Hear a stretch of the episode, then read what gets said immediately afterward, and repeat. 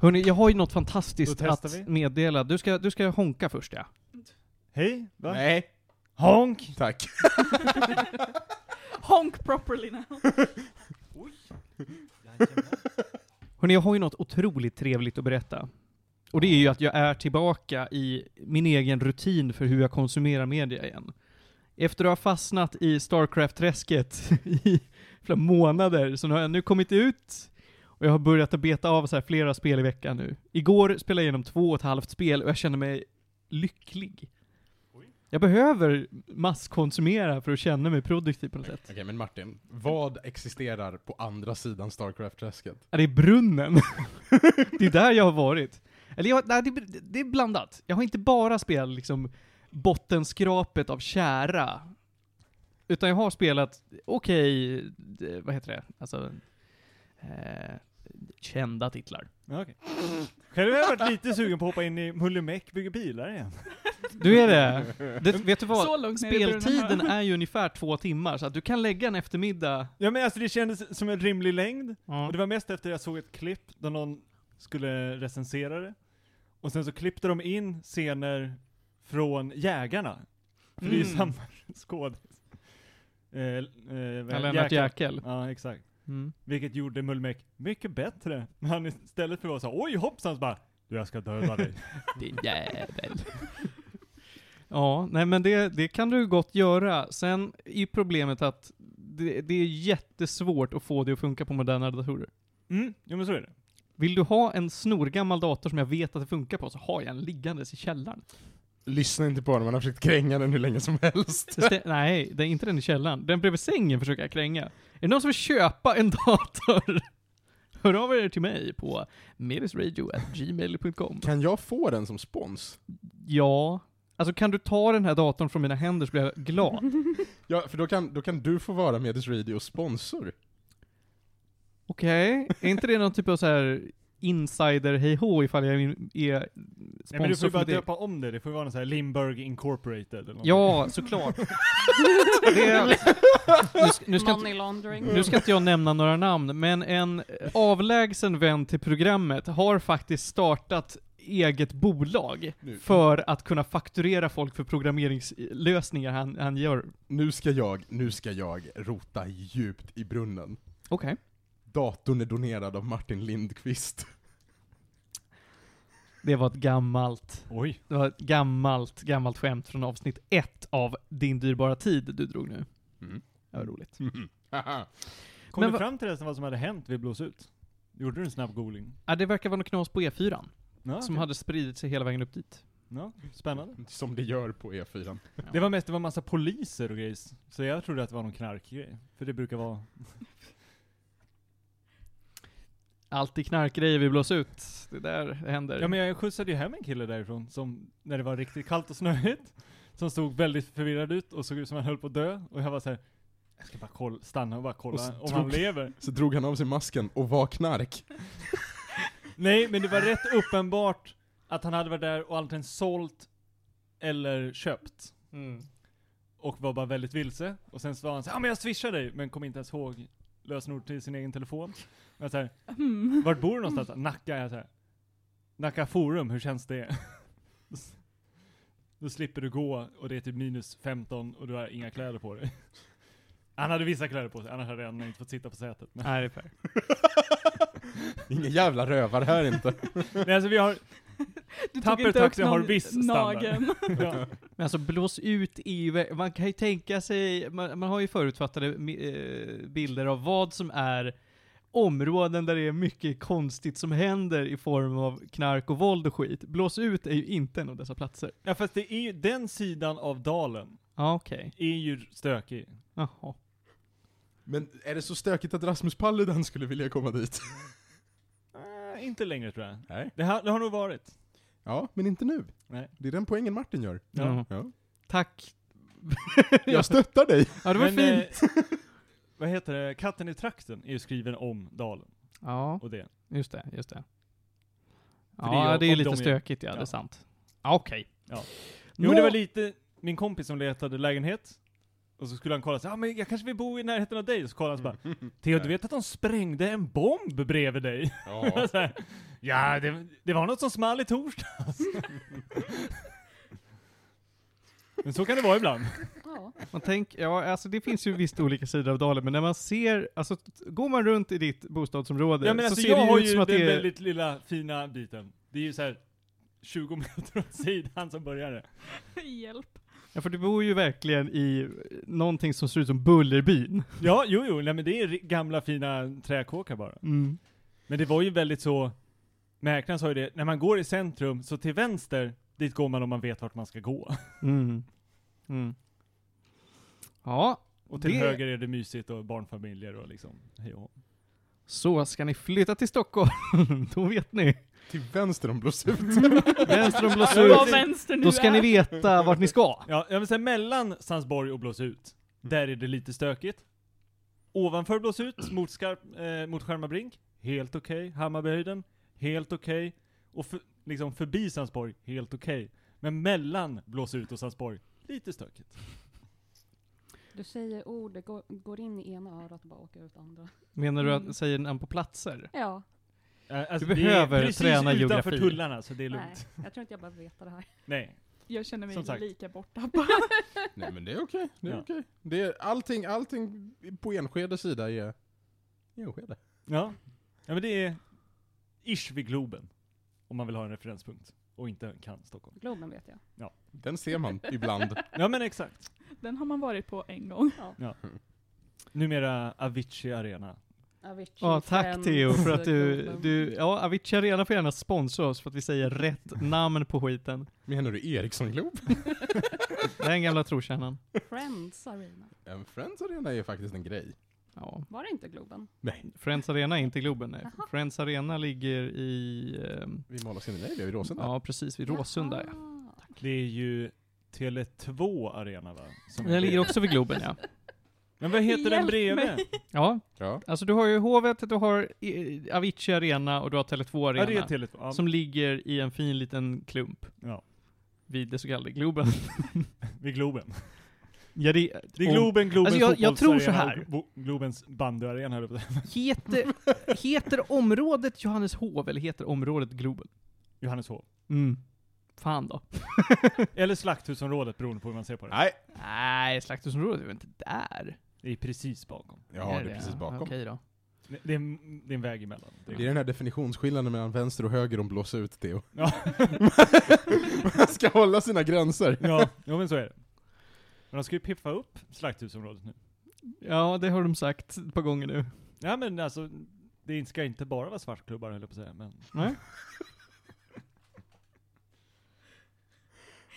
Jag tänker på våra lyssnare av de här gymnasiebarnen i Örebro just nu.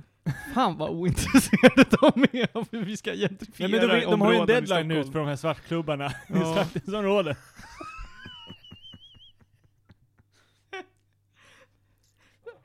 Det är ju lite spännande ändå. Det är något att jag drömma sig tycker mot. det är en målbild. Jag Du och jag kan ju sitta här och ha en jättetrevlig diskussion om det här, men Ronja har ju somnat. Här är spåret. Där är vi. Ja, och här, här är introt.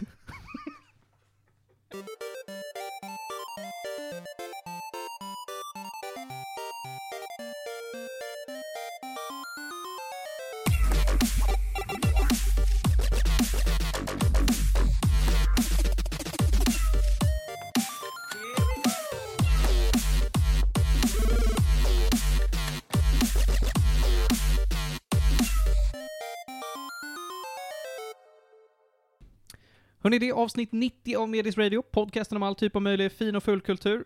Ronja Budek är i studion. Tjena! Theo Tapper är i studion. Åh, nej men igen. Visst är det så? Julia Terstol Backlund. Jajamän. Panos Tetuvexis. Jag sitter på fel plats. Ja, det gör du. Det är helt sjukt. Och jag heter Martin Lindberg och jag letar efter ett jobb. Hörni, vi har massa skoj att prata om idag. Först så har jag tänkt att ställa en öppen fråga. Jag tänker skita i att gå igenom någon sorts dagordning. Det får ni fan, Mhm. läs i avsnittsbeskrivningen. Det står ju alltid där. Hur går det för Activision Blizzard? In, inte är svaret. Alltså det, jag trodde inte det kunde funka mer utan att liksom, de, alla hatar dem. Alla hatar dem, det går inte överdrivet bra ekonomiskt. Varenda titel de säger att så här, nu ska vi komma med det här, går inget bra. World of Warcraft blir bara, alltså det är ju för, för allt färre som intresserar sig. Flappy Bird Simulator menar du? Är det Ja. inte typ så här 63 miljoner användare som har så här tagit bort sina användarkonton? Det var någonting jag såg när det var så här svinmånga som bara har lämnat alla Blizzard-titlar. ehm, på grund av allt skit de håller på med just nu. Ja. Och nu, har alla hört om det senaste skiten de ska hitta på? Mobilspelet? Ja, visst. Jaha, jag trodde nu pratade om det här eh, diversity. Ja. eh, Ja, den också! När det är så här spindelkartan för så här, ja men den här karaktären är bra för att hon har ett öga och är en kvinna typ. Ja, det var inte det jag tänkte på, utan jag tänkte ju på Warcraft Archlight Rumble. Ja, fast, fast Diversity Tool-grejen är också Ja, ganska... båda, Det är båda är relevanta och båda är knas. Men får jag fråga en grej? För Diversity Tool-grejen tror jag att vi kan gå vidare från ganska snabbt. Ja. Jag fattar poängen med att ha en sån grej. Men Mm, man kanske inte ska säga något om det. alltså, Varför Jag- toot your own, own horn? Bara visa att ni är bra.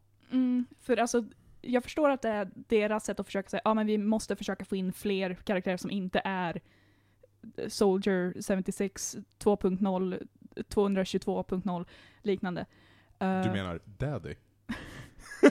Soldier 76, Mwah. Ja, han är nice, men vi behöver inte ha 222 varianter av honom. Nej.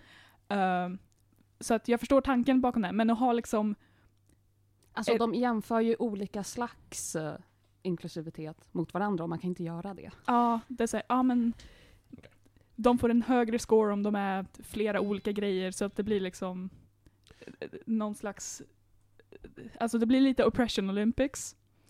Kan vi, så här, återigen.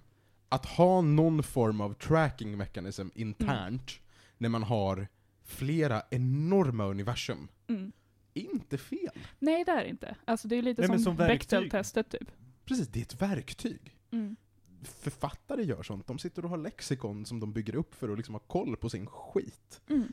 Helt rimligt. Och om du har en konkret målsättning mot att ha diverse karaktärer, Mm. då kanske det är bra att ha koll på hur dina karaktärer är representativa för olika grupper. Det är Mm. liksom så här.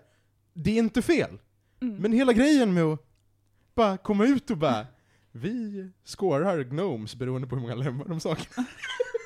det är så här. Det är lite skevt. Eh, Det är jättekonstigt. Men det här är en av de nya benefitsen om man kan säga, med Microsoft som har köpt dem.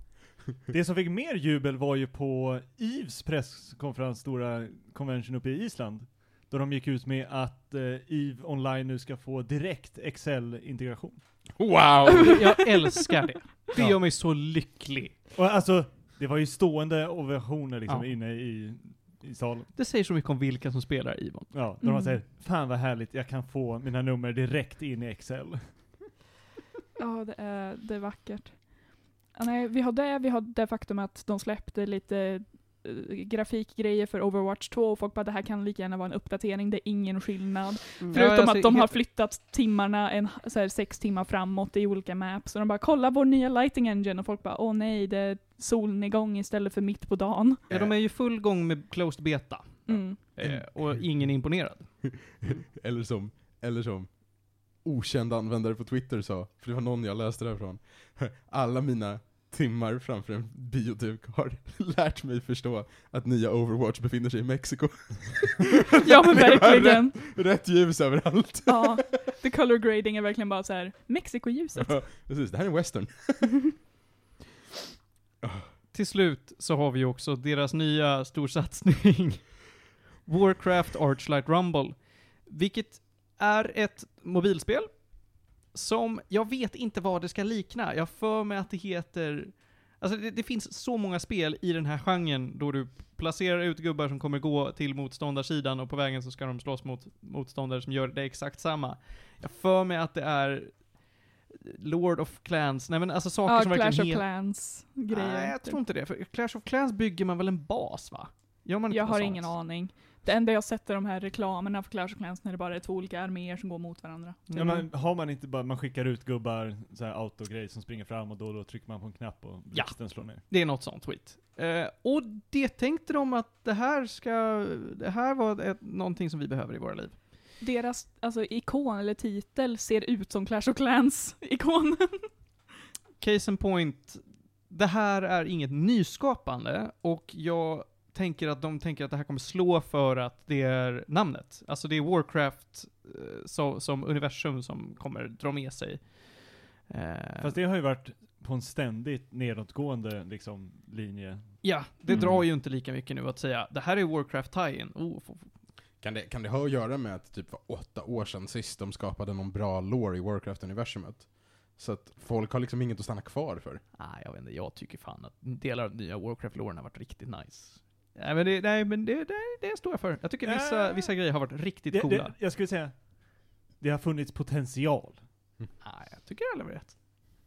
Jag, vet, jag, jag känner att de få expansionerna som jag har vågat hoppa in i och varit såhär, ja ah, men det är en schysst setup som de aldrig kan sen knyta ihop. Ja. Gud, deras hemsida är katastrofalt seg. Den är väldigt ooptimerad. ja, extremt så. Det är verkligen så här, vissa element som bara inte syns alls. Nej men hela grejen är bara... Vi Eh, har inget releasedatum för Archlight Rumble, men eh, om Men- ni känner att ni vill spela ett nytt Clash of Clans med Warcraft-skin på, ja, då kan ni förhandsregistrera er på typ Google eh, Play. Nej. Jo, den- det, det kan man. Det kan, kan man man visst. göra nu. Ja, det kan man eh, enligt deras hemsida så ska den bara komma ut på Apple först. Ja, fast man, man kan förhandsregga. Ja, okej. den kanske släpps på, på Apple-grejer först, men... men- Mm, för det var så här pre-register on battle.net Mm. eh, för Apple specifikt. Ja, ja, ja, ja, ja. Det ser inte så jätte attraktivt ut. Nej. Det går sådär för Blizzard överlag. De har väldigt mycket för sig som, ja, jag tror de blev bastade igen för att de försökte stoppa folk från att sta- eh, skapa en union. Och det var därför de släppte det här med minoritetsdiagrammet. ja det var väl det plus all så här, sexual harassment Ja. och sådana grejer som de fortfarande inte har löst någonting om. Tänk om alla områden som inte har ett ordentligt fackförbund ännu. Ja, så du, kan det menar, vara. du menar allt i USA? Det finns ju hur mycket fackförbund som helst. I U- Fackförbund i USA har ju mer makt än vad de har i Sverige. Bullshit! Har de ju. Bullshit! Fackförbund i Sverige har inte haft någon makt på hur länge som helst. Fackförbund i Sverige har lagt ifrån sig sin makt, det är en helt annan fråga. Ja, det är fair enough. Fast LO kliver ju ner ibland och skriker lite. Ja, okej. Och sen går de upp igen och sätter sig på läktaren. Ja, men alltså det händer ju. Men ibland så får de ju grejer. Alltså, piloter får ju fortfarande så här gratis lyxskor och klockor för det ingår i uniformen. Mm. Jag vill också ha en Jippi. klocka. Ja, men du, då gå med i facket. Ja men alltså pilotfacket, fan, de jobbar. Ja, ja, ja. Oj vad de jobbar. Ja, ja. Blizzards fack. Får inte jobba. Ja, det Cricket. finns väl inte Ja. ens än så länge. cricket. Ja, nej men jag väntar bara på den dagen. Jag är ju med i facket såklart, för att eh, alla, hela min jävla utbildning hetsar om att du borde gå med i facket. Jag bara okej då, om alla gör det så gör jag det också. Har inte sett röken av några benefits ännu. Ja, Vi får lönestatistik. ja men typ, ja. Men jag tror, du- måste ju ha jobbat en del och sen ska det skita sig. Ja men Det är, typ. då de, det är då de kan kliva in Ja. och se till att det inte skiter sig riktigt lika mycket. Mm. Det är ju deras grej. Det här är ju Ja. vad Blizzard behöver. Någon som kliver in när det skiter sig. Ja men Ja. lite så. Det är lite sent nu dessutom. Ja. Lite.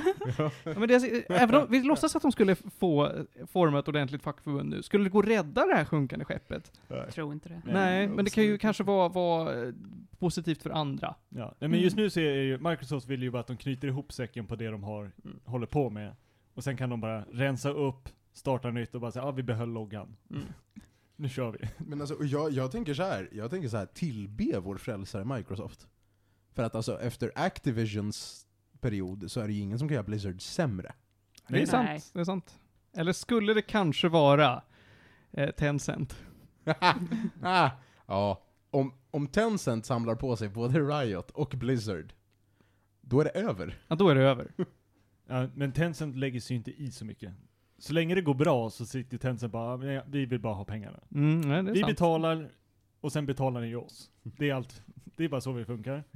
Så länge det rullar på, då kommer vi inte göra någonting. Börjar det skita sig, då kommer vi bara mörda skiten. Clean, mycket clean. Ja. Tydligt. Raka rör, inga konstigheter. Jag har det. Någonting som vore klart sämre. Nestlé. Oh god. Nestlé Nestlé köper. köper Jag tänkte säga annan också, så här, Elon Musk. oh. Amazon, nej inte han, nej förlåt, det var det, Tesla. test, nej men det är inte det jag tänker på. Bezos. Bezos Nej. tänker du på? Är nej men jag tänker på Paypal, tack. Paypal. Ja, Mm. Det är det Musk är. Ja. Paypal. Nej, han var det. Han hade blivit Han var- utkastad från Musk många år sedan. Eller Ja. från Paypal. Han, sålde, han, han sålde den ju. Ja. Jag kommer ihåg det. ja, ja, ja, ja, ja. Han är ju lite av en rörig gubbe. Han är en rörig gubbe.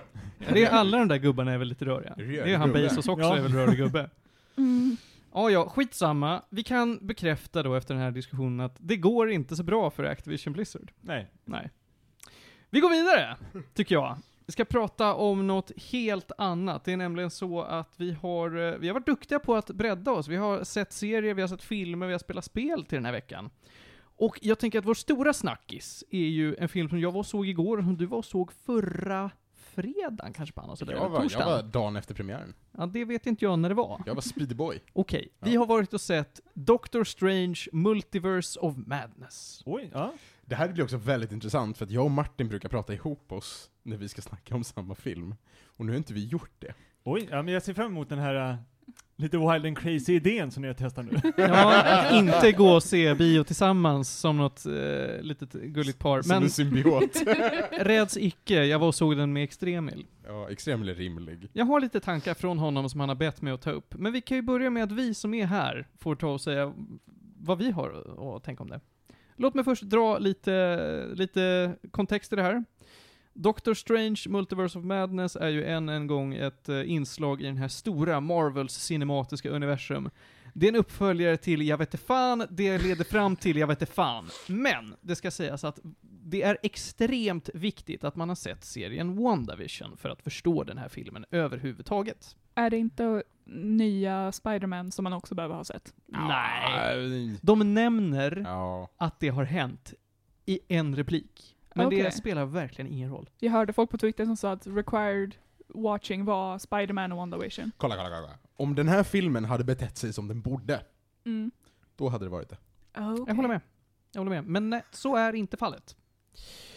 Eh, det kan här, finnas en del bortklipp helt enkelt Det som kan- kopplar till det. Eftersom Självklart. han är ju med, för den filmen har jag ju sett. Och där, då, han är ju med där och har lite av en, en nyckelroll, skulle man kunna påstå. Absolut.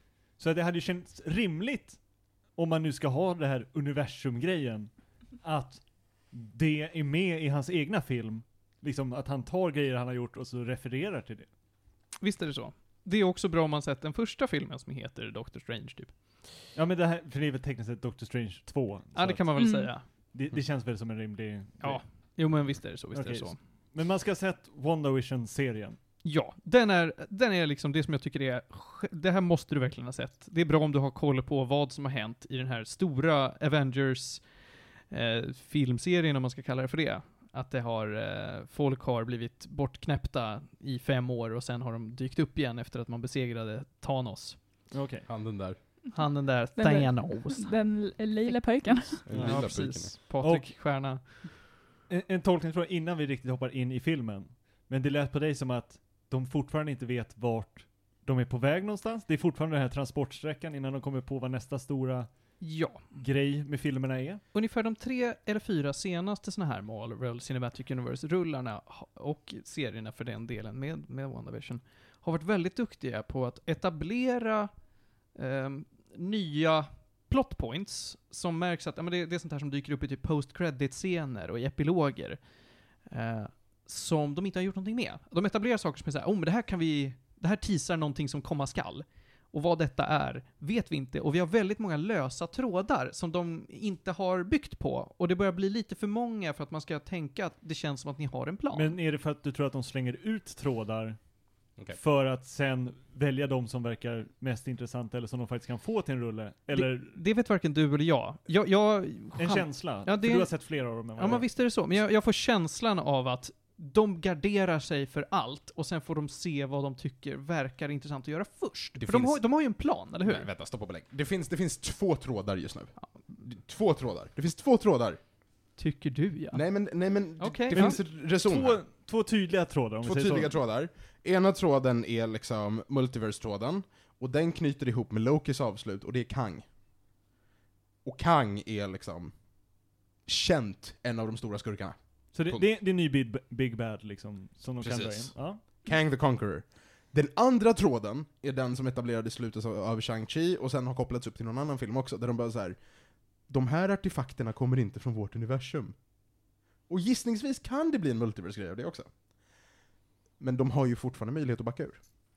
För att inget är liksom särskilt, det är inget uppbundet. Alltså det här känns lite som att det nästan kommer som en så här bieffekt av att de inte har en och samma eh, par utav eh, directors längre. Ja. För att alla tidiga så här Phase 1, Phase 2, hade ju nästan alla var utav The Russo Brothers. Så att då var det ju en väldigt tydlig plan. Men sen hade Nu de så är det ju alla en, olika som kör.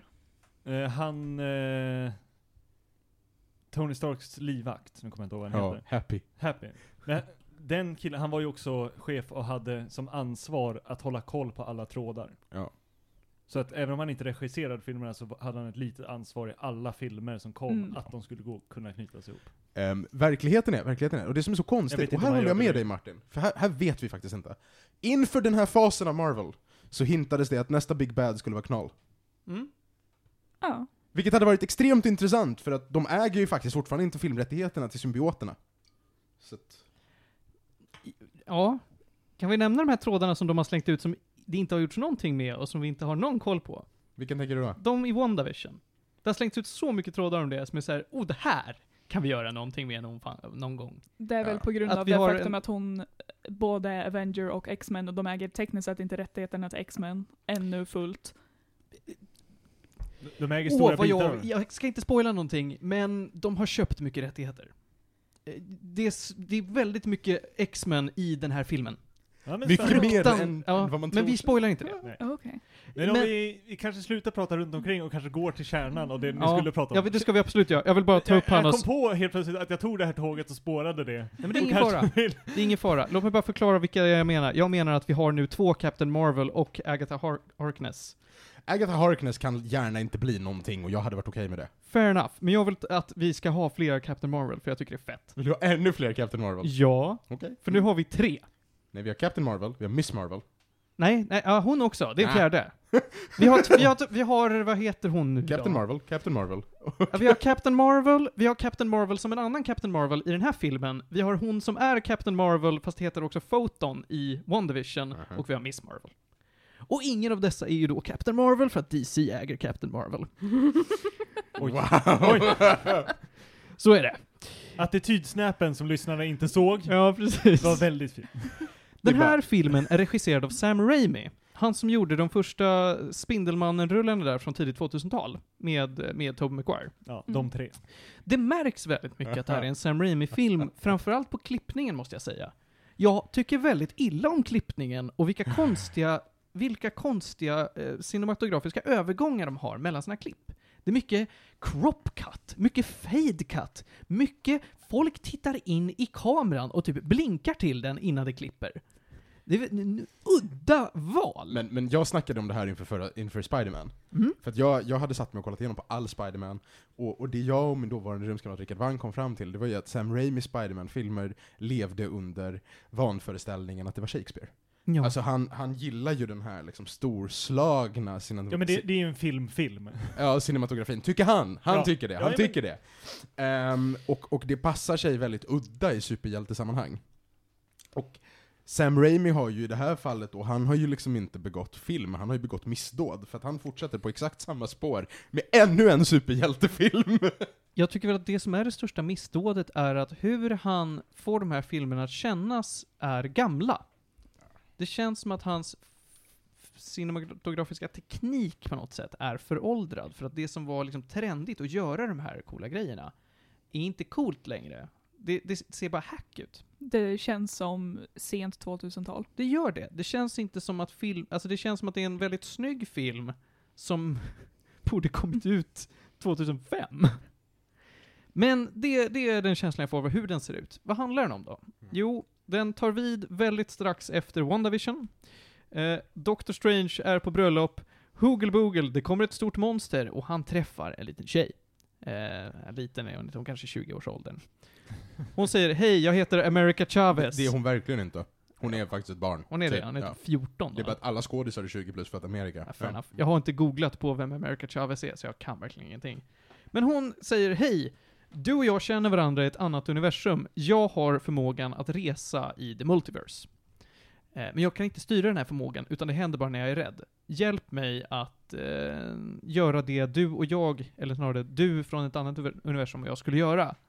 Och eh, Dr. Strange säger okej, jag gör det. Men eh, jag behöver en kraftfull magiker. Jag går och pratar med Scarlet Witch. Han går och pratar med Scarlet Witch och så får vi reda på vad, alltså om man då har sett vad som har hänt i WandaVision så är ju då eh, Wanda Maximoff eh, ond. Hon är arg, hon är desperat och hon har inga som helst eh, begränsningar för vad hon ska göra för att uppnå det hon vill. Så att hon är den här filmens skurk. Och det är väl lite det man behöver säga. De går på ett, ett äventyr genom olika universum för att stoppa henne och från att uppnå, eller rädda då den, den här America Chavez från eh, undergång. Alltså jag är... Jag kom ju ut ur den här biosalongen med ganska blandade känslor. Mhm. Jag har varit skittaggad på Doctor Strange. Jag gillar Doctor Strange. Alltså jag gillade första filmen, och jag hoppades, och det är liksom, i år skulle vi få en till Doctor Strange, och vi skulle få Mm. en ny Thor. Kan det bli ett bättre år än så, i Marvel-film? Nej, det är svårslaget. Teoretiskt sett svårslaget. Ja. Mm. Alltså den här filmen är, det första jag sa när jag kom ut är att jag kommer aldrig betala för att se en Sam Raimi-film på bio igen. Nej, men det, det hade jag kunnat sagt innan du gick. Absolut, men du vet, det var så här, de lät honom göra det mot Doctor Strange. Eh, den här filmen, Säger du att du inte tyckte om den här? nej jag tyckte inte om den här, Oh. alls. Eh, den här filmen hade så många bra grejer den kunde göra, och den missar dem alla precis. Hela multiverse-grejen är som bäddad för liksom makalöst storytelling. Mm. Och det vi får av det är ett 70 sekunder långt montage där de plumsar igenom några universum som om det vore pölar. Och det är det. Hmm. Det är det, det, är det de gör av multiverse-grejen. Jag det tror man skulle vilja ha, vilket, för så är det lite i första, är ju en, en Nolan Inception-version där det är liksom varje ställe är genomtänkt med knasiga visuella grejer. Och det, man liksom blir lite, man blir imponerad helt enkelt bara visuellt. Ja. O, oavsett vad som händer så är man så bara wow. Men, det var men, häftigt att se på så stor skärm. ja, det händer inte här. Nej, det gör faktiskt inte det. Det gör inte Det är väldigt synd. De bara "Huh, the multiverse, nu ska ni få New York! I tre versioner typ. Kanske York? fyra. New York, grönt New York, och New York. Åh, vad Ja, men det är kul. ju hela världen. Ja, exakt. Det finns ju inget annat än New York. Nej. Ehm, och sen så, sen så som sagt så här. de plockar in extremt intressanta karaktärer vi inte har fått se mycket av i MCU innan. Och eh, de är en eh, fem minuter lång gimmick. Jag önskar att jag kunde prata mer om dem, men det spoilar för mycket. Och för de som är riktigt inbitna fans, så det kommer ni gilla de fem minuterna. Men ni önskar att det kunde gjorts något vettigare med det. Hur lång var filmen? Den är två timmar och tio minuter. Hmm. Och sen, sen, sen behöver jag också, jag behöver bara säga en grej och det är Michael Jacksons Thriller. Som bara är där, eller? Nej men, Nej. Nej, den är inte där. Eh, men jag förstår vad du menar. Och det är jättekonstigt.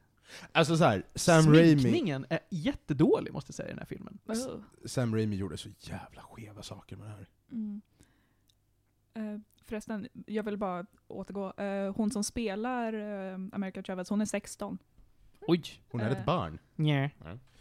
Och Vill hur, kan någon googla hur, gammal hur gammal ska America Chavez föreställa? Men det varierar väl säkert. Ja. Men då troligtvis runt 16. Om Ja, de, men vi har, säger om de har tagit sig tiden att fixa någon som är 16, Då, så kan, ja, då är det säkert. då är det runt säkert 16. runt där. Ja. Nej men, nej men, ty, vadå, tyckte du om den här filmen? Jag tyckte inte, inte om den, för att jag hade rätt låga förväntningar. Alltså, jag tittade på trailern till den här och sa att nej, det här kommer vara någon jävla mittemellan-film. Den kommer varken kännas bra, alltså den kommer inte toppa någonting. Den leder inte, det här är inte vad någonting har lett fram till. Den här är, den här är Odenplans tågstation, den ligger mellan två saker du ska aldrig av. Eh, av den anledningen så jag tyckte den var helt OK. Alltså jag, jag kände ju på något sätt att den gav mig mer, alltså den, det, var, det var mer som Morbius. Jag skrattade mer Nej. åt den än med den. Den var inte lika dålig som Morbius. Den var inte lika dålig, men jag skrattade återigen mer åt den än med den. Okej. ja. Ja, nej. Jag vill prata fritt om den här filmen för det är så jävla många misstag i hur de berättar och det är så jävla många misstag i hur de klipper och, och det är så meningslösa strukturer i vissa delar av den. Men, men jag tänker inte spoila den, det enda jag tänker säga är att ska ni kolla på den, kolla på den på Disney Plus när den släpps. Kolla liksom inte på den. Betala inte för att kolla på den på bio. Nej, det håller jag med om. Jag är glad att jag hade gratisbiljetter. Jag kan passa på att ta upp eh, Emils eh, åsikter om den här. Han har sagt att eh, eh, de har sagt att det är en scen som är väldigt hack och påminner om Scott Pilgrim vs. The World väldigt mycket. Ja, det är. Och det var roligt, men jag håller med dig där att jag skrattar åt, mer åt den än med den, för det var töntigt roligt. Det är som att jag skrattar åt Peter Parker i Spindelmannen 3 när han går och, och dansar på gatan. Ja. Evil Dance. Ja. Eh, han säger också att det finns konstiga Matrix-referenser lite här och var. Ja. Det finns referenser till Evil Dead. Med Bruce Campbell. Bruce Campbell är en, en alltså han är inte en karaktär, han spelar en karaktär i den här filmen. Han spelar Pizza Papa, tror jag. och, och är bara Ash. Det är jättekonstigt. Ni alla tittar på mig som att ni inte vet vad Evil Dead är för någonting. Jo, Ja, men jag kände mer att det är en gammal referens. Jätte För målgruppen av gammal filmen. referens. Jag har inte sett Evil Dead, men jag har sett memes, och det räckte. Men jag säger, varför då? För att Ted Raimi, för att Raimi-familjen var inblandad i Evil Dead. Ah, Okej, Ja, okej. Ja, ja. det förklarar väl saken. Referenser för referensers skull låter det som. Det är väldigt mycket så ja. Eh, Blir lite Ready Player One. ja, men Mm. vet du vad? på vissa grejer kanske. Jättebra tanke. Det är mycket Ready Player One, och framförallt i det här som Panos jag inte får prata om, men när det är fem minuter fanservice, mycket eh, coola eh, gimmicks i några sekunder. Precis som Ready Player One är ju bara fanservice the movie för Mm. coola referenser. Men jag kan säga att en superhjälte som heter Black Bolt eh, Hej! dyker upp i några sekunder. Vad fan heter han? Boltigan Blackigan? eller Ja, vad Bolt det är? again, Black again, ja. Hjälp mig! och är en väldigt kraftfull superhjälte. Eh, han görs så jävla tråkigt i den här eh, filmen. Wow. Eh, jag, han var riktigt besviken, för Emil gillar Black Bolt. Så är det med det. Jag tror att vi har sagt det som sägas behöver, Panos. Ja, Vi, vi är inte ett jättefan av den här filmen, du gillar den mindre än vad jag gör, och Förlåt. det är mycket Sam Raimis fel tycker jag. Blackagar Boltagon. Blacka Gare Boltagon. Spelar det någon roll? Ja. Ja, nej men poängen med den här filmen, om vi, om vi nu ska vara helt krassa, om vi ska gissa oss till att MCU har en plan framåt, då är poängen med den här filmen att Wanda Maximoff var på tok för stark.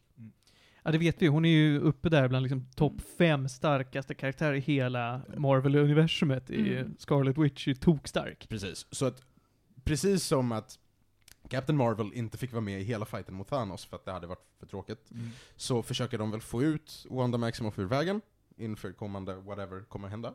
Och så behövde de en film, och de tänkte hmm, Sam Raimi är bra på det här med film. Men också för... Alltså jag uppskattade ju Spider-Man 3-dansen. Mm. Men då har han ju också haft två filmer att bygga upp förväntningarna och lite stilen.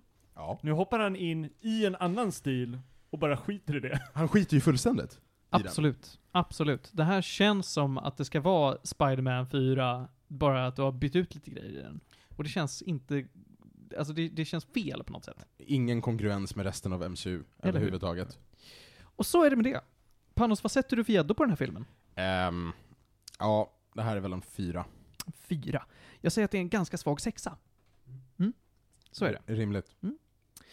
Så är det. Vi ska gå vidare och det är nämligen så att vi ska fortsätta lite på Marvel-spåret. Därför att, Theo, du var ju här för någon månad sedan. Eh, Korrekt. det borde varit nästan exakt två månader.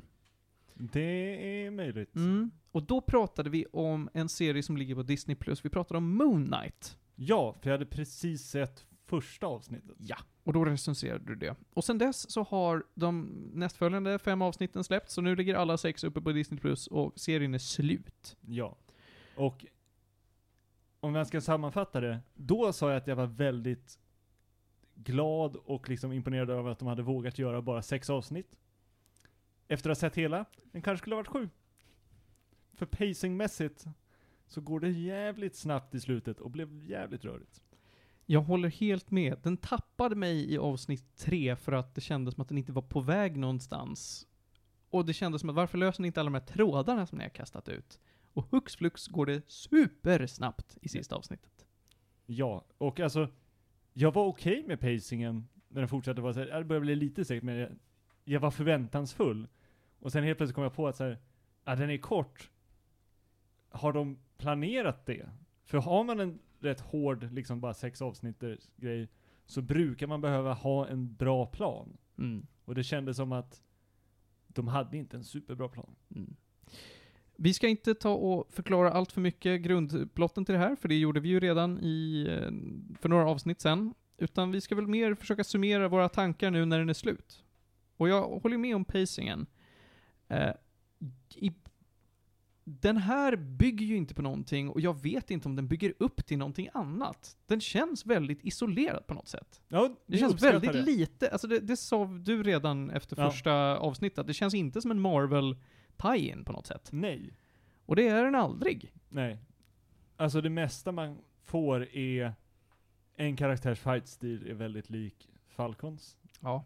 Annars var det så här, ja nej men Ni har tänkt igenom hur man slåss med vingar, så varför komma på hjulet igen, vi gör bara samma grej. Och det såg okej ut. Hon har coolare dräkt än vad Falcon har.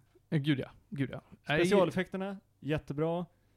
Liksom, lårmässigt, alltså jag, det finns så mycket bra, och det är egentligen bara pacingen och att det blir rörigt i slutet. Så jag, jag ser fram emot att de skulle göra, för de hintar lite om att de kan ha en säsong två. Och om den är kanske åtta. Den ska inte vara för lång, men de, vill de ha så här mycket rörigt så behöver de kanske något avsnitt till så att det inte blir allt för hetsigt. För då, de, man, tapp, man tappar koncentrationen, det blir för mycket på, på en gång. Jag är osäker på om jag vill ha en till säsong. Därför att mycket av det som byggs upp och mycket av det som är grejen med Moon Knight är ju att han är sin egen, inte antagonist, men han har så mycket inre konflikter med sig själv och sina andra personligheter. Och jag tycker inte att det är jättelätt att göra på vita duken. Eh, nej. Och nu, spoiler spoiler, så lyfter de in fler av hans personligheter i det här. Och de behöver man ju hantera. Ja. Vilket bara kommer behöva läggas mer tid och energi på och glo på. Och det gör så att man, alltså resten av storyn kommer vara så vid sidan av för att man måste kunna hantera att han är fyra pers i en kropp. Ja, fast nu har man ändå hunnit presentera en del. Du behöver inte hantera alla, utan bara nya grejer. Så jag tror att man kan, man kan sprida ut det bättre. Ja, jag förstår. Jag, jag, jag, jag köper det, men all... Jag vill mest se egyptiska gudar göra coola grejer, om jag ska vara ärlig. Ja, men det vill jag också. Men å andra sidan så måste vi hela tiden sidepanna bort från honom så att han kan byta skepnad för att sen panna tillbaka till att han har bytt kropp hela tiden. Och nu är han någon ny person. Och det är att jag tröttnar så jävla mycket på att de bara så klipper bort från honom så att de kan byta vem det är som styr Moon Knight hela tiden. Det blir så gammalt så fort, och ju mer du måste göra det här för att han... Fast i många lägen en så gör, har de väldigt snygga övergångar. Sen att de behöver återanvända vissa flera gånger, men Ja. de, många av dem tyckte jag landade bra. Ja, men, ja, ja, men de måste göra så mycket så att även de som landar bra blir till slut tråkiga. Alltså det görs ju inte alltid dåligt. Men det görs för mycket för att det ska kännas... Ja, nej men alltså, det, kan, det är ju en grej de återanvänder väldigt Ja. mycket. Men det är bara på ett ställe, då, alltså att de har byggt upp det så mycket i början, gör ju att ett moment landar väldigt häftigt. Och Ja. man säger, ja just det, det hade jag glömt bort. Sen ska jag säga att jävlar vad jag tycker Steven Grant är en osympatisk karaktär. Jag orkar inte med honom. Han är vitsig ibland, Ja, men annars orkar jag inte med honom. Nej. men de Eh, behöver ju bli så olika, så därför måste man väl ta Självklart. i lite. Ja, självklart. Alltså, jag kommer inte ihåg vad skådisen heter nu. Oscar Isaac. Oscar Isaac, ja. Han gör sitt bästa. Han gör han gör ett bra. jättebra jobb. För att vara en gör- person och vara så många personer, som alla är, du vet vem det är direkt. det, han gör ett jättebra jobb, men det är fortfarande så, a person can only do so much i skådespel. Det är därför det är så svårt att översätta från serietidning. Mm. Och det är just av den anledningen som jag känner att jag vill liksom inte ha mer, för att det kan inte bli bättre än så här. Jag har svårt att se hur det kan bli bättre och jag vill inte ha mer. Det känns som Moon Knight verkligen, alltså det är en karaktär som är gjord för serietidningar. Uh, I och med att i serietidningar kan man använda saker från typ olika typsnitt för att visa vem det är som tänker och Mm, pratar och mm. liknande. Eh, det finns så många lättare sätt att visa att ja, men det här är en ny personlighet uh, gentemot när man har en tjomme liksom som ska stå och skådespela 140 olika Mm. personligheter. Ja. Och det var en helt okej serie. Ja. Men jag Men vill, vill man ha mer. någonting annorlunda, så den är fortfarande intressant. Jag vet inte om den kommer hela vägen fram bara. Nej. Jag tycker Någon att... annan I... som har något att säga? Jag kände att nu gick Ja vi förlåt, det är väldigt mycket fram och mycket, tillbaka. ja men du och jag bara står och stirrar på varandra. här. Skulle den kanske passat bättre som en animerad serie? ja, det tror jag nog. För då kan man också, då kan man också lätt byta typ röstskådis mellan, Exakt. mellan karaktärer. Uh, Åh, jag hade kunnat få... Ska, vem, skulle du voicea någon av dem? Vem nej skulle nej, du inte, voicea? jag skulle inte vilja voicea någon. Jag vill ju ha min älskling. Hamill. Nej, inte Mark Hamill. Hamill är bra. Ja, jo. Ja, men han hade kunnat göra två röster kanske. Jag tänker ju på Keith David. ja! jag vill ha Keith David i allt. Ja, nej men jag håller med Ronja, det hade nog funkat. Eh, Marvel har inte, alltså de har ju inte gjort så jättemycket memorable animerat på senaste känns det som. Ja, men det är deras what if. Ja men det såg folk och bara, ja det var en grej. Ja, den, den, den var mer en grej. Ja. Alltså om man jämför med, för DC verkar lägga rätt mycket pengar på sin animerade sida. Ja, gud För det ja. är det enda de lyckas med. Ja, jo jo. Men där går det ju bra. Marvel Ja, har inte haft något bra sen typ den gamla Spiderman-serien. Men gjordes det inte en rätt bra animerad eh, Guardians of the Galaxy? Jag har inte sett den, men jag har för mig att den mottogs väl. What If är förresten rätt relevant inför nya Doctor Strange. Ah, kanske jag borde se det. du tänkt på det? Vad tänkte jag på? Jo, Ethan Hunt, skurken. Ethan Hawke heter Ja, han. där, Ethan, ja. Ethan Hunt är han i Mission Impossible. Ja, Ja. Det är det som är svårt. Ethan In Hunt kommer- är in- en... In kommer Tom Cruise! ja, förlåt. Jag kände det, han kom springandes. Eh, nej, Ethan Hawke som spelar Arthur, vad fan heter han? Harrow. Harrow, precis. Han gör också sitt bästa, men jag tycker verkligen inte om honom som antagonist. Han går ut och svettas i sex avsnitt och det är lite allt. Men, Han ser alltid ut som att han har för mycket kläder på sig och han går runt i badrock. Han är, han är antagonisten i en deo-reklam. ja men lite, alltså det, det är inte lätt att vara honom. Jag tycker Ethan Hawke är en jätteduktig skådis. Men alltså det här det är så... Men han ser ju bättre ut som Ned Flanders än vad han ser ut som skurken. Ja, alltså han... Ethan Hawke ska aldrig Dark raka sig. Alltså han måste, för oftast, det var ju först efter, han, han har, man får se lite olika klipp på honom här. Men Ethan Hawke med skägg är så jag känner igen honom. När jag såg första avsnittet trodde jag inte det var han. Han ser så jävla konstig ut utan skägg. Men det, ja, det kan man inte hjälpa. Men han ser ju ut som en sektledare dock alltså. Ja, det gör han. Alltså, googla go- godtycklig kult och det är såhär, ja men titta, där är Ethan Hawke utan, utan skägg.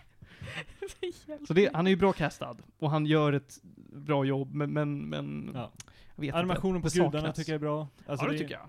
Eh, Det, det finns mycket bra, men eh, inte hela vägen fram. Jag skulle säga en sjua kanske. Ja, men jag säger typ detsamma, så en, en sjua, en sex och en halva. Nej, men jag säger en sjua. Spännande. Ligger på Disney+. Plus. Det är ju sex avsnitt, det kan man glo igenom. inte det här ännu mer av, vad heter det? Bara Marvel kastar pengar på något. Ja, fast det här var kul Ja. att de provade något annat. Ja, men vi Ja. gillar det. De får kasta pengar på något. Ja. Så är det. Ja, hörni ni, vi ska gå vidare och prata spel istället. Det är nämligen så att efter att jag kommit ur mitt Starcraft-träsk så har jag ju gått tillbaka till min att göra-lista. Och högst upp på den så var ju bokstaven B. Och på B, då hittar vi Borderlands. Så att jag har spelat igenom Borderlands The Pre-Sequel. Jag spelar de här spelen i en otroligt underlig ordning. Det kommer, Jag tänkte precis påpeka ordningen. Ja, jag har spelat då 2, 1,5, 1, 3 kommer jag ju spela Ja men då. jag har gjort exakt samma sak fast jag har spelat de här spelen. Mm. Ja, för jag tänkte säga, hade man velat spela dem kronologiskt hade jag kunnat se att man vill spela ett pre-sequel 2. Ja, That det would skulle have jag made väl säga. sense yes. Ja. Ja. Ehm, Tvåan tycker jag är roligast, så att det är bra att starta på den. Ja, tvåan, tvåan är ju den bästa av dem. Jag kommer inte ihåg om du minns det Theo, för det här var så många år sedan. Men precis när Borderlands 1 hade släppts, så gick jag ner till ditt rum och frågade Theo, är det här någonting man ska spela? Och så tittade du på mig, och kommer du ihåg det här alls? Nej. Nej, det är okej. Du Martin så- har präglat Martin, så Ja, han ja, kommer men det har ihåg. präglat mig. Ja. För att du tittade på mig med en lite skeptisk blick och sa, har du några polare att spela med? Nej. Nej, det ska jag inte spela. ja, men det, Väldigt det är ändå rimligt. Det är väldigt Jag, sant. jag står för den. Jag står för den. Borderlands är jättekul när man kör co-op, för man kan så här, skita runt och göra lite vad som helst och vara dumma mot varandra. Annars, att spela ensam är svintråkigt. Ja, Ronja, du, jag och Johan spelade lite av tvåan tillsammans. Mm. Sen gick jag ifrån er och sa, ja men då gör jag väl själv då, vi kunde aldrig boka in oss tillsammans. Och Ja. då, pre-sequel har jag spelat själv. Ja, men ni har båda, eller hur, Ronja och Julia spelat det här. eh, Jag har Tidigare. spelat typ en tredjedel av The Pre-Sequel. Jag har spelat klart det. Theo, har du? Jag har spelat... Eh, kommer fan inte ihåg om jag klarade pre-sequel, men jag tror det. Okej. Och Panos? Jag har spelat... Jag har varit inne en kvart i något av spelen. Hållit på att få en hjärnblödning. Aldrig nuddat igen. Nej, det är fair alltså. Men, oh, pre-sequel, det är nog alla australienskare på månen va? Exakt. Ja. Jajamän. Ja, Visst då är har det jag det. Eh, det här spelet är ju då Borderlands 1,5. Förvirrande nog. Mm. Ja, alltså om man läser in sig och försöker förstå vad pre-sequel betyder så är det ju logiskt. Absolut. Typ. Det är bara... Ja, att komma till den punkten är, är inte, det är inte självklart att det är det det syftar på. Men det är också gjort av, inte main-teamet för Borderlands, utan... Nej, det är Gearbox Australia. Ja, exakt. Jaha. Vilket därför är Alla är australiensare på en annan måne. ja. Ehm, Så är det. Eh, du spelar uh, än en gång som ett ragtag-team av eh, Vault Hunters. Eh, som... Eller Claptrap va? Nej, du kan inte spela som Claptrap i det här tror jag. Jo. Jo, kan det, du? Det, Det är, det, första- är det i pre-sequel du kan Ja. spela som Ja. Claptrap? Okej. Ja. Jag spelade ju som Handsome Jack. Oj, ja. Vilket ja, var punkt. Mm. Mm, det var fantastiskt. Han, det är ju inte riktigt han som Nej, jag vet, jag vet. Det är ju bara en universitetsstudent som behövde lite pengar. Ja, vilket är fantastiskt roligt. Äh, åh, jag älskade det alltså. Jag valde helt rätt karaktär för det här. Men jag skitsamma. spelar också Timothy. Eh, som lite på uppdrag av Hyperion eh, behöver, eh, behöver stoppa en, vad är det? Det är inte en invasion, men det kommer ett... Jag, jag försöker förstå vad de är för någonting. De är inte banditer, de är, de är en sån sorts militärjunta. Jag tror att det är ett annat företag Ja. som vill ta över månen typ, för att allting är så här hyperkapitalism, så det är Jo, men jag tror att det är ett annat företags eh, privat aggressive takeover. Ja. Liksom, vi skickar privatarmén Mm. för att ta över. Vi, vi försöker inte köpa era aktier längre. Vi, Nej, vi kommer med precis. i världen. Så Hyperion mår jättedåligt. Eh, och du kastas ner på den här månen som den här gången heter... Jag kommer verkligen Nej. inte ihåg det här. Det är inte, Planetnamnen är... Ja men de heter ju Pandora och de heter... Appadappada, ja men vad fan. Du är på en annan måne i alla fall. Eh, och det här aggressiva företaget säger att, nej men vet ni vad? Det bästa för alla är om vi bara spränger skiten ur den här månen. Så att du har konstant Hyperions stora jättelaser som de håller på och gräver lite med. Som de bombarderar din måne med. Så Ja, men för de har tagit över den Ja. rymdstationen om jag kommer ihåg. Precis, precis. Det är väl så det startar. Så du ska samla ihop eh, verktygen för att ta tillbaka rymdbasen och sakta men säkert så märker att ah shit, det finns ju något jätte sån här valv. Som är de här mytomspunna, lite halvkonstigt multiversiga eh, platserna där det finns otaliga ve- tekniska kunskaper och skatter och skit. Mm. Som alla vill åt. Mm. Eh, så då blir det en jakt efter det istället. Annars så är det vanligt Borderlands gameplay. Du springer runt, det är ett RPG i vi- viss mån, det är ett First Person Shooter i en annan mån, det är Diablo i en tredje. det är loot and shoot. Loot and shoot. Eh, du byter ut dina vapen var femte sekund. Eh, spelar du co-op så fuckar du runt med eh, dina medspelare och turas om att hela varandra döda varandra. And that's the game folks. Jag gillade inte Borderlands 2, jag gillade fan inte det här heller alltså. Jag tror att jag ändå ty- alltså jag tyckte typ mer om det här. Jag är osäker på varför. Alltså det, här är ju kortare. Det är kortare. Ja, det storyn är nog är det, det är tajtare. Ja. Mm. För jag vet, alltså, Eh, Jag spelar ju alla, förutom typ halva trean i co-op. Ehm, och det tog oss typ 100 timmar för att ta oss igenom hela Borderlands 2 för att vi veered off. Det tog oss typ 40 timmar med pre-sequel. Går mycket snabbare om man är själv, tror jag. Mm. Ja, det tog mig 18 timmar. Mm. Vi sprang runt och vevade med ingenting Absolut. Ja men absolut, det, är- det är Eh, så det blir. Och så det är att- därför jag inte jag gillar co-op, för att det Mm. är ineffektivt på något sätt. Jag tycker det är kul för att Ja, man kan ja, ja. springa runt om man har rätt team med sig så liksom, det är kul att bara så här, leka Martin, Man runt. jobbar Typ. off Det låter som du och varandras jag. abilities typ. Ska jag köra Mm. nästa? För vi är båda lite mer hård fokus. Ja Jag får också lack på alla som springer och lallar. Va- Varför är du där borta och skjuter på det jävla monster? Vi Jag- ska ju hit! Jag är den som bara såhär, åh gud vad kul, det här kan vi gå och göra. En grön sten. Ja men typ, alltså jag är den som alltid säger springer bort. Ehm, We can make our own side quests. ja men typ. Jag föredrar ju tvåan för att jag älskar Zero som karaktär att spela. Mm. jag älskar att spela snipers i eh, Borderlands, jag vet inte varför. Eh, och det finns inte någon sniper i pre-sequel. Så att då var det såhär, ah, ja, jag spelar Jack och har det lite kul. Kan man Ja. inte bygga till en sniper typ? Med någon? Jo, det kan du väl. Halvt. För se, men- jag minns Zero som att han är en assassin, inte en sniper. Man springer runt med melee-vapen. Ja, men du kan späcka honom så han är sniper. Mm, Okej, Han okej. har abilities som hjälper mycket som sniper. Eh, Det är, Det finns inga riktiga abilities för snipers i pre-sequel. Oj. för det är väl hon han, eller är hon i pre-sequel? Så här- Athena. Athena heter hon ja. Mm. Nej men hon är, hon är Captain America med skölden? Ja. Ja. Menar Fan, du sheriffen? Ja, sh- sheriffen tror jag jag tänker på. Ja. Men jag är inte hundra på om det hjälper så. Alltså det är så Hon kändes ju som någon League of Legends knock-off. Ja men jag tror inte det var hon Hon jag var spelade. Caitlyn typ. Hon är okej med sniper. Men hon har inte så mycket grejer som buffar hennes sniper abilities. Mm. Jag älskade ju att spela Handsome Jack för att hans, hans, man har ju bara en ordentlig förmåga att använda. Och den var ju otrolig. ja, den är fantastisk. Man skapar en massa kloner av sig själv som är kloner som skjuter annat och de får sig själva att, att eh, skapa fler kloner. Och det är bara, du ett pain train. Mm. Är, Ingenting skjuter på dig, de skjuter på allt, de blir fler. Vad finns inte att älska?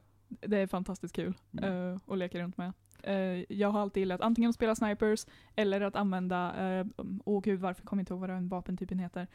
Eh, De här när man laddar om och kastar vapnet på Ja, folk. men specifikt den vapentypen där det är, alltså när man bara kan så här, hålla ner knappen och det bara så här, skjuter svinfort och så kastar man bort och så kör man igen. Mm, Eh, de brukar rätt, vara rätt så här, ineffektiva för att de inte gör lika mycket damage och uh, reload är jobbigt, men när man använder just det vapentypen när man bara slänger iväg det och så exploderar de, svinkul.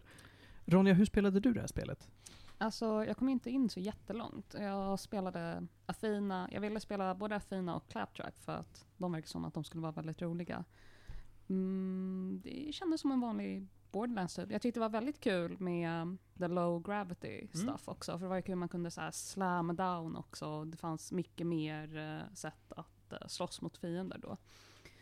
Sen så tyckte jag att the story kanske var lite lacking, eller för jag kom till den här huvudstaden, Mm. eller vad det är. Mm. Och då var det så himla mycket back and forth att man skulle göra och mycket convoluted grejer som typ inte intresserade mig. Ja, det blir Mm. verkligen en dump av massa sidequests som bara håller dig tillbaka från mainquestet ett tag. Ja, det, Storyn saktar in väldigt mycket Ja. när du Mm. kommer till Concord, tror jag den heter. Ja, Men det är väl mycket spring och hämta den här grejen och sen spring till ett annat ställe och hämta den här. Så det är mycket fram och tillbaka om jag kommer ihåg rätt. ja exakt. Mm. Och liksom, jag gillar Borderlands så här, uh, humor och uh, de hade jätteroliga sidequests och karaktärer men det blev för mycket. För mycket Mm. av att man inte kom någonstans typ. Ja, jag förstår. Panos, du har sett ut som att du har velat säga någonting i fan 20 minuter snart. Jag kan tänka mig att prova det här igen med sällskap. Ja men då, Ja. ska du spela ettan med mig och Theo då? Ja, ja, ja. Jag kan gärna spela om ettan. Jag vill också köra trean med folk genom hela vägen så är det så här, I'm up Ja. for it, jag ja, men har... fan, då blir det Tiny Tinas Wonderland, det här nya som har kommit ut Ja nu. just det, Aha. Det kostar 630 spänn. Alltså jag vill inte lägga pengar på, jag har aldrig köpt ett Borderlands, jag vill aldrig göra det. Det är Men- inte värt mina pengar. Mm. Men den ska väl vara mer typ en dungeon crawler? Ja, den är Ja. lite mer hon... Ännu mer Diablo, fan då. Ja men för det fanns ju en expansion till ett av dem. Ja, där tvåan hon, va? Ja, då hon håller typ ett D&D. roll- ja, D&D roleplay session och bara hittar på reglerna allt eftersom. Det var ett roligt expansion. Ja, Mm. Jag har inte spelat den expansion-biten. Mm. Jag har hoppat in i den, märkt att jag är för låglevlad och hoppat ut. Ja. Ja, men så kan det vara. Nej, jag spelar den. Eh, den hade roliga karaktärer i. Det var, det var också en kul break från tvåan. Eh, men ja, jag är gärna på att spela. Jag tycker det kan vara lite kul. Det är lite så här hjärndött. And shoot. Mer. Jag tycker om vad de gör med karaktären Handsome Jack. Han har ju blivit någon sorts poster child för den här serien, utöver Claptrap då såklart. Eh, för att han är, en, han är en väldigt bra skurk i, i tvåan, det ska jag säga. Eh, jag tycker bara han saknar ett motiv. Och i det här spelet så får han det, och det görs väldigt bra tycker jag. Mm. Det är koncist, det känns mer som att det, krätt, alltså det är ett spel som handlar om honom från någon annans perspektiv. I like it. Mm. Ja. Jo men för i tvåan får han väl sitt motiv typ i sista scenen med honom. Ja. Då var han Typ. såhär, aha, han är inte bara ett arsel. Eh, ja, ja, men det, det tycker jag hjälper det du sa i början Theo, att Mm. man kanske borde spela 1, 1.5.2. Ja. För då vet man vem han är och inte bara såhär, vad är det här för jävla arsel som bara snackar skit hela tiden? Ja, för det är ju lite treans problem, att bad guysen är två streamers som bara snackar skit. Ja, just det. är han inte skurken där också? Nej. Nej. Nähä. De fortsätter på hela så här, siren lore, alltså alla, så här, Calypso Twins. Okej, jag vet inte vilka det är. Men är, är han med i trean? Nej. Eh, Det måste han väl vara, för... Rye är med. Ja, för Ja. med en annan röstskådis och allt. Ja, ja, okej. Jag, jag får Eh, googla jag, jag, jag runt får han dyker upp. Jag har, Vi jag har kommer bara dit. hört Ah, okej. att han dör aldrig och folk är arga på det. För han är med i Tales from the Borderlands också och det är knas. Jaha. Men Tales of the Borderland utspelar sig också typ runt, alltså mellan pre-sequel och tvåan tror jag. Nej, Nej, nej, det är den är efter efter tvåan. tvåan. Är det efter tvåan? Ja, det är efter För tvåan. han är ett hologram. Ja, Ja precis. just, det, för, ja just det, för det är en bit av honom. Jag gillade verkligen Tales from the Borderlands. Men det, Ja, är, det- alltså, det så här, är det, typ- jag gillar, det som är så skönt, för jag gillar inte humorn i Borderlands, och det, när någon annan tar Borderlands och gör något eget med det, det är då jag tycker om det. Ja, men Tales of the Borderland är ju typ den bästa lore-biten, tror jag jag tycker. Den knöt Mm. ihop väldigt bra. Men det är också för storyn är ändå fokusen i spelet, så Ja. Mm. det hade blivit väldigt dåligt spel om Ja. den inte funkade. Det så.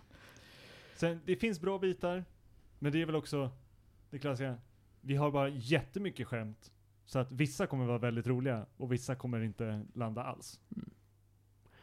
Och det är nog, det är ett väldigt bra sätt att sammanfatta alla de här spelen. Eh, om man inte bryr sig så mycket om att allt ska klaffa och att det ska kännas tight, då kan man förlåta mycket mer. Och, Mm. Ja, men för det finns många bitar som är roliga, mm. och det är bara hur mycket av det andra utsätts man för. Vad är toleransnivån där? Mm. Jag säger ändå att jag vill ge Tales from the Borderlands en svag sjua. Alltså, jag hade Du- så du- pass pre- kul med det ändå. Pre-sequel sa jag. Uh, Ja, nu sa jag Tales. Ja. Jag, förlåt, jag menar Borderlands the Pre-sequel, förlåt. Mm. Jag tror, har inte jag recenserat Tales of the Borderlands här? Jag har recenserat så Oh, det jävla det. mycket Telltale-spel. Jag har Ja. fortfarande inte spelat klart de sista tre sakerna, det kanske jag ska göra någon dag. Ah, De ska ju göra nya nu. De har ju Ja. tydligen repat sig. Jo men precis, precis. Jaha. De blev ju uppköpta. Fick Ja. lite pengar, och sen så eh, ska de ta nya tag och lära sig av vilka dåliga ekonomiska deals de gjorde. eh, ja, så är det.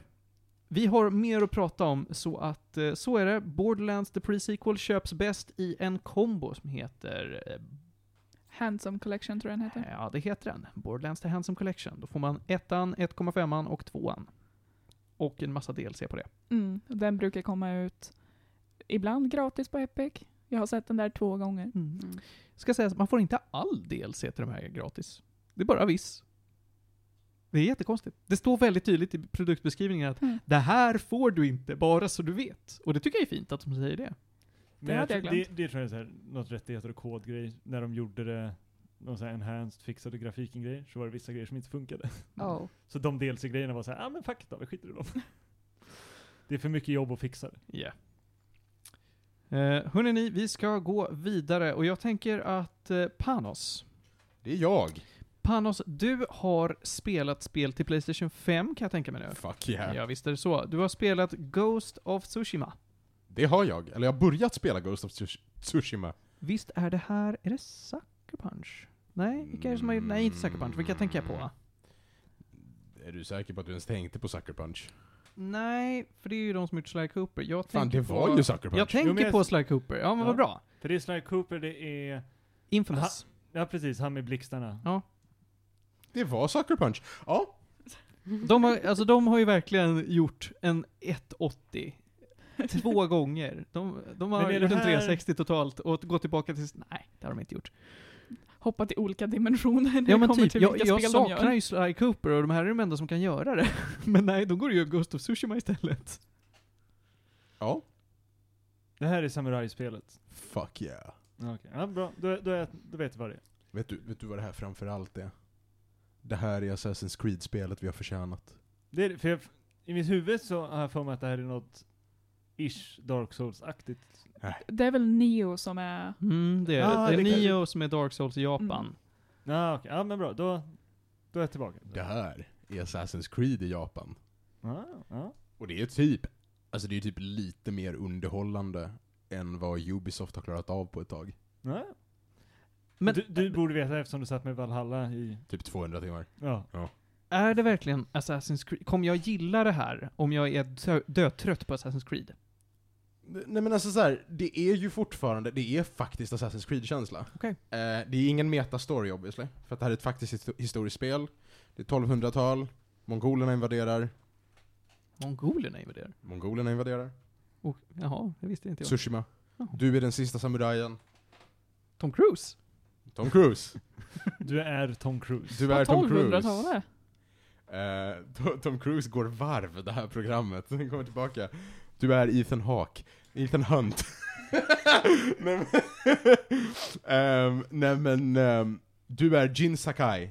En av de sista samurajerna. Du ska själv befria den lilla ön Tsushima. I princip. Från mongolerna. Mm. Jag har spelat nästan 30 timmar. Jag har tagit mig typ 22% in i storyn enligt Sonys progression bar. Mhm. Ehm, det är lätt. Jag tror att det här kommer komma att vara ett 100 timmars spel. Mm. Det är mycket side content. Alltså så här, det är inte mycket mer nyskapande än vad Assassin's, än vad Assassin's Creed-spelen har varit. Det är väldigt mycket så här. rädda de här byborna som är fångar. Återhämta de här resurserna. Gå och spöa upp mongolerna här och där. mycket sånt. Samla prylar i världen. Ehm, man klättrar. Sämre klättrande än Assassin's Creed, men det kunde man ju förväntat sig. Mm. Man har en grapple hook. Den är nice. Mycket nice. Man får sällan använda den, men den är nice. Den finns där. Den finns där. Du har en pilbåge, du har ett svärd. Det är typ det. Det finns gear och runes och grejer och, alltså det finns så mycket skit, det finns så mycket skit. Men som sagt, jag är 20, 25 timmar in typ, och jag har redan nästan späckat fullt.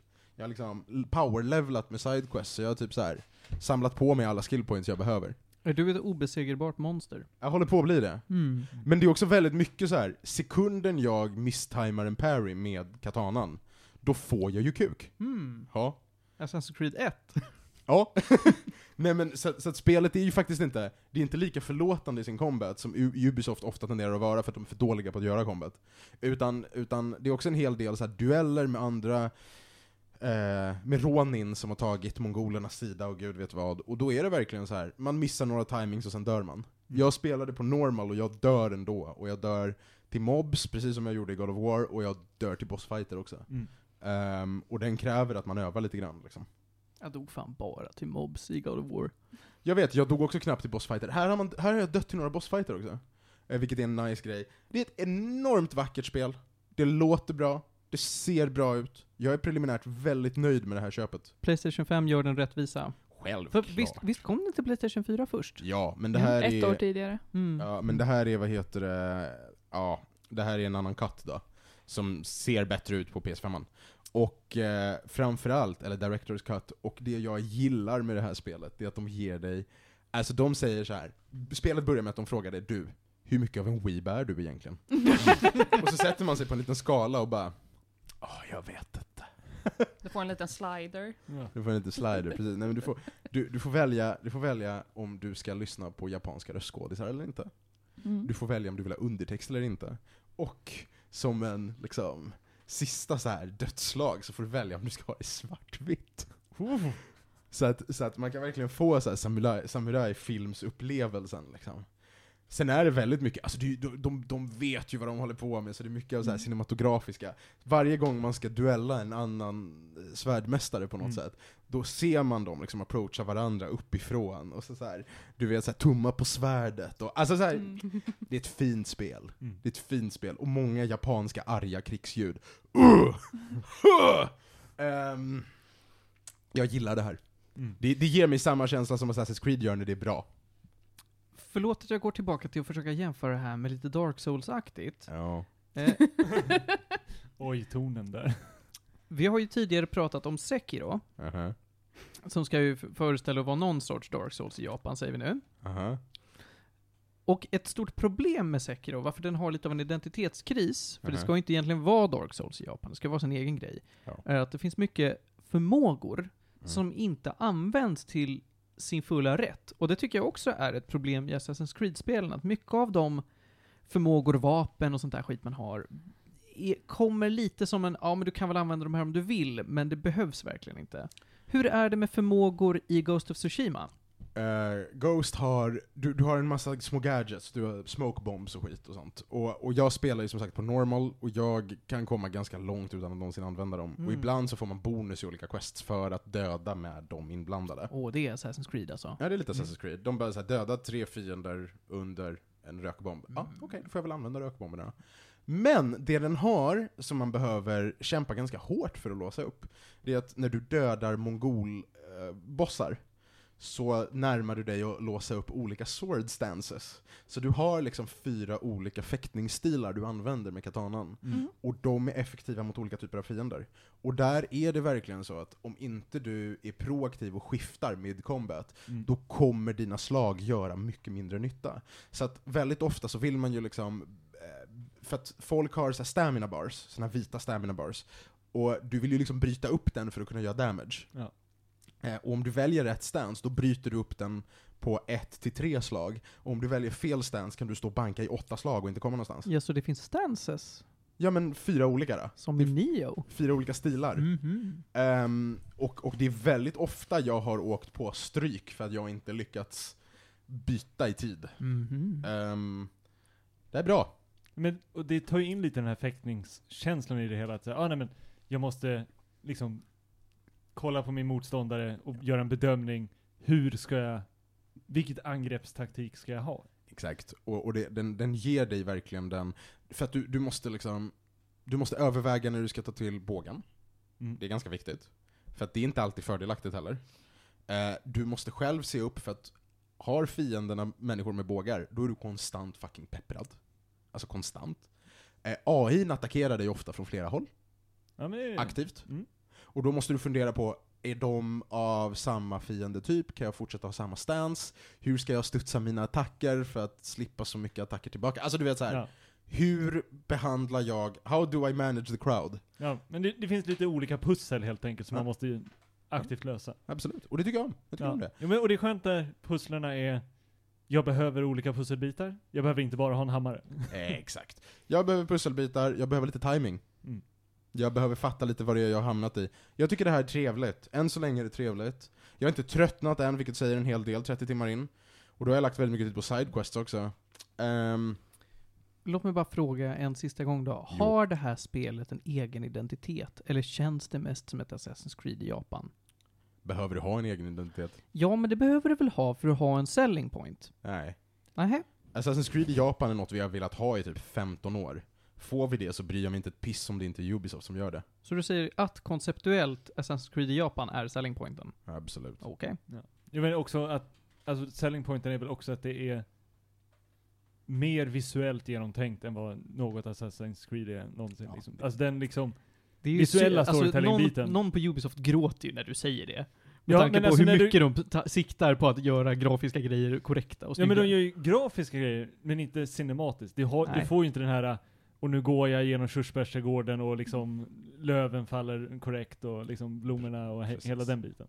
Precis. Utan istället springer förbi och bara så åh jävlar, den här snön ser ju okej ut. Så, så är det ju. Så är det verkligen. Det är verkligen så. Eh, det här är väldigt snyggt. Det är väldigt snyggt och Ubisoft gråter. Och så finns det en grej som jag verkligen faller för. Ehm, ibland så dödar man en fiende Och de dör inte helt och hållet, utan de lägger sig på mage och försöker krypa bort. Och då kan man gå fram och press square to put out of misery. och det slutar aldrig vara tillfredsställande. Och det ger en eh, tillbaka i så här, energibaren. Ja. Eh, mwah. det, det är en sån Very nice. Jo men, jo, men it, it's a good touch. Det är verkligen så här. du är en samuraj. Ja. You are fucking badass. Jaha, är det mycket your så här best vifta life. och torka bort blodet från svärdet och... Ja! Man kan också, ehm, de använder den här lilla touch-grejen i mitten på kontrollen. Mm. Och så kan man göra ge- gestures på den åt olika håll för att göra grejer. Ena gesturen, då tar du fram en flöjt och spelar musik. Mm. Och den andra gesturen, åt ena hållet, åt uppåt, ja ah, det här. Eh, quests har ingen riktig tracker. Oh. Vinden visar dig vart du ska. Så om du sveper uppåt på kontrollen, då blåser vinden och så följer du vindens blåsande. Extremt irriterande ibland, väldigt mysigt resten av tiden. Mm. Framförallt i och med att PS5-kontrollen, dual, DualSensen, låter som vinden. Så att det är den som gör vindljudet och inte skärmen. Mwah! Genomtänkt. Men sen, när du sveper åt vänster så spelar du flöjt, när du sveper åt höger tar du fram eller kitar ditt svärd. De två är väldigt enkla att blanda ihop. Det är du rätt ska ofta... ta fram svärdet. Du, du, du, du. Jo men jag är alltid så här. Combat avslutat, Är jag jag, bard eller är jag inte bard? ja, och då gör han en av två grejer. Antingen så flickar han svärdet, Ja. så här, Mm. riktigt snabbt så att allt blod åker av, Mm. eller så liksom stryker Ja, ja. han av det mot armen, och Ja. sen. Men, och så bara, ja, combat över, flöjt. Fan grabbar, Jethro Tull. ja, ja, ja okej, om du trycker på flöjten åker faktiskt svärdet tillbaka in i, i kilen också. Ja, men det är okej. Sen är det så här, det är mycket sneak, det är assassinate, alltså det är ju assassination Mm, mechanics och mm. whatever. Ah, ja, ja. Det här är ett trevligt spel. Finns till Playstation 4 och Playstation 5. Ja. Och PC. Nej. Nej, det gör det inte. Nej. Icke sa Nicke. Nope. Nej. Nej. Inte enligt Det, Wikipedia. det i är. Sony som publisher. Fuck PC. ja men det kommer ju komma till PC om så här fem år eller någonting. De gör en Horizon. Och säger att oj, vi behöver sälja mer. Mm. Jag tycker så synd om Horizon och Guerrilla Games. Det kommer jag prata om en annan dag. Ja. Eh, De är dåliga på timing. De är jättedåliga på här. Så är det, men vad kul! Tack så mycket för den eh, lilla första blicken av Ghost of Tsushima. jag, jag kommer väl ha en closing remark när jag är klar och det är väl säkert nästa eller näst, nästa avsnitt någon gång. Låter fett. Hörni, vi har ett sista ämne på agendan idag, och det är Ronja. Du har tittat på, det är inte sitcom, men du har tittat på, på... eh, Reality-tv. nej, det är det inte heller. Inte reality. Det är ju en dramaserie. Drama, komediserie. Ja, visst. Du har Mm. tittat på Desperate Housewives. Yes. När gick Desperate Housewives? Var det typ 2003 till 2009 eller något? Det Nu, känns som nu det, va? slänger jag i, iväg de här Ja siffrorna. men det är nå- någonstans där. Pans, kan du det kan nog googla? hållit på Vad? Googla mycket vad? längre. Varför ska Kan du googla? go googla när sändes Desperate Housewives? För det var sånt som min mamma tittade på när jag och Lovisa hade gått och lagt oss. Alltså, jag Jaha. älskar När När vi var små. Alltså det var verkligen när jag gick i mellanstadiet så var det här Ja men jag kommer mammaserie. ihåg. Började sändas 2004, slutade sändas 2012. Jag var inte Ja. jättedålig på att gissa. Nej. Ja men det var ju verkligen alla som såg på det Mm. när det började sändas. Och somehow som så missade jag typ alla plot points. Och såg aldrig på det själv. Hur har du Mm. kommit i kontakt med det här nu då? Disney plus. Ah. Fuck yeah. jag behövde en ny serie, lång serie som jag kan se på själv för att Ebba låter mig inte se på X-Files själv. Ah, du har hamnat i fällan. Varför fälla? Ja, Frufällan. När, man, när, man är, när man är uppbunden till att kolla på en serie bara tillsammans. Ja men det är det, för jag vet vilka serier vi har att se tillsammans. Så jag har liksom det i en katalog och jag har det andra som jag vill se på som är mitt. Men sen så börjar jag se det i vardagsrummet och hon har börjat bli intresserad så hon bara du får inte se nu. jag ska gå nu, nu får du stänga av. Man bara det är typ 50 säsonger också, hur fan ska vi komma igenom det här? Ah, ja, hon är inte intresserad av Desperate Housewives i alla fall. A small victory. Ja. Nej, hon var lite intresserad faktiskt när jag satte på det. För så fort hon satte sig ner, då kunde hon inte bara lämna. Och eh, det är one of the selling points av Desperate House- Housewives. Det är väldigt intressant och kul att se på. Ja men är det inte som att titta på en, en långsam bilolycka bara? Inte riktigt. Alltså den är ju inte dålig. Nej, Nej men det, det är mer att dram, alltså det är ju de här tragedin hos de här karaktärerna, är det väl mer? Ja, alltså det är inte så mycket, det är inte så djupa tragedier tycker jag. Nej men alltså de är ju, för de stora, i verkligheten, I guess. Ja, Jag har bara, alltså jag visste inte att det här var en sån grej. Jag har bara sett Desperate Housewives of någonting. Typ New York eller Desperate Hockey Wives eller allt vad det är. Och då är det ju faktiska personer som... ja. Mm, men för jag det, tänker på Real annat nu. Housewives of... Det är, det, eh, det är bla, bla, den jag tänkt på. Ja. Ja. Jag visste inte att det var två olika grejer, så det är därför jag har Jo. suttit här som en... eh, ja. Desperate folk Housewives är ju ett meme-fyllt komiskt mästerverk. Det var den serien som alla blandade ihop Sex and the City med, för de gick samtidigt och var dramaserier om kvinnor. därför var det så här. På witch is witch. 2000-talet. Ja men precis. Men jag tror att den där Real Housewives var nog inspirerat av Desperate Housewives. ja. Det men jag tror ju alla de där var, försökte hoppa på hypen från den, tror jag. Mm. Men det är väl rena reality-serier va? Mm, det Ja. var därför jag sa, är det inte reality? Mm, Men ja. okej, bra att veta. Fy Ja. att se på reality, herregud. Även du har dina gränser. Ja, jag har faktiskt det. Ibland. Vad handlar Desperate Housewives om då? Desperata hus... Nej. Ah, shit alltså. Ja, det handlar om Wisteria Lane som är en liten eh, gata in the suburbs. Gud jag trodde det här var en person först. Och eh, det handlar om eh, alla de här kvinnorna som har sina typiska nuclear families och eh, vad de har för sig. Vi får följa en som är en, en karriärskvinna som var tvungen att sitta hemma och bli hemmafru för att hon fick tvillingar och flera barn och flera barn. Sen har vi den jättekonservativa Brie som ser ut som den perfekta husfrun för hon kan baka helt perfekt, hon ler alltid, hon går, goes to church every Sunday. Men eh, hennes familj tycker att hon är för perfekt för hon vill inte visa när hon är ledsen eller tycker inte att man ska bråka i hemmet och sånt där. Vi har Susan som, ja, hon har vad ska man säga om henne? Hon är typ så här, hon är väldigt artsy. Hon målar för barnböcker och eh, hon är en väldigt så här mjuk person, very feely och har en dotter som hon lämnar allt ekon all ekonomi till att eh, hålla på med och att vara typ den vuxna personen i hemmet. Och sen har vi Gabrielle som är före detta modell för Vogue som är väldigt eh, passionate mexican och eh, som är cheating on her husband som jobbar hela tiden. Nej. Ja, med The Gardener som är 17 år så det är statutory rape. Yes. Just ja, Kriminellt. nolltalet! ja, det är väldigt mycket saker som inte har, eh, vad heter det? Åldrats väl. Yes. Eh, så det var, och det är så här, det är lite svårt när det kommer fram för det tas upp så casually.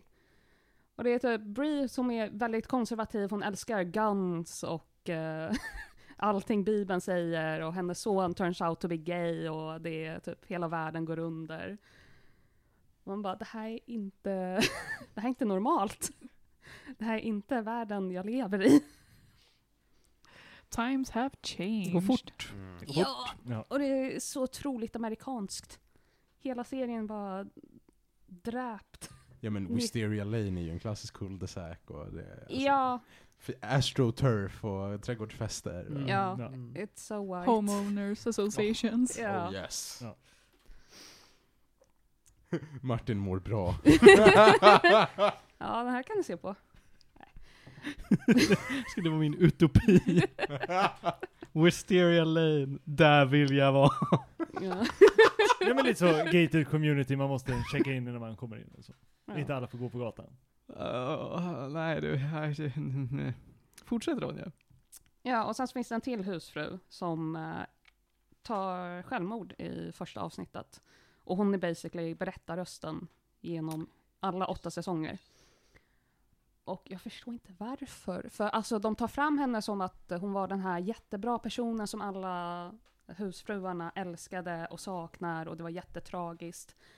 Men det kommer så här fram lite mer och mer varför hon faktiskt tog självmord och liksom alla hemligheter hon hade som är väldigt dåliga hemligheter och väldigt seriösa. För det visade sig att hon basically kidnappade, eller köpte ett barn av en kvinna som var drogmissbrukare. För att hon ville så här rädda barnet och eh, sen så flyr hon iväg och ändrar sitt namn. Alltså det här låter bara som amerikanska adoptionsbusinessen Ja, Ja, ja, överlag. Ja. Så. det är verkligen det.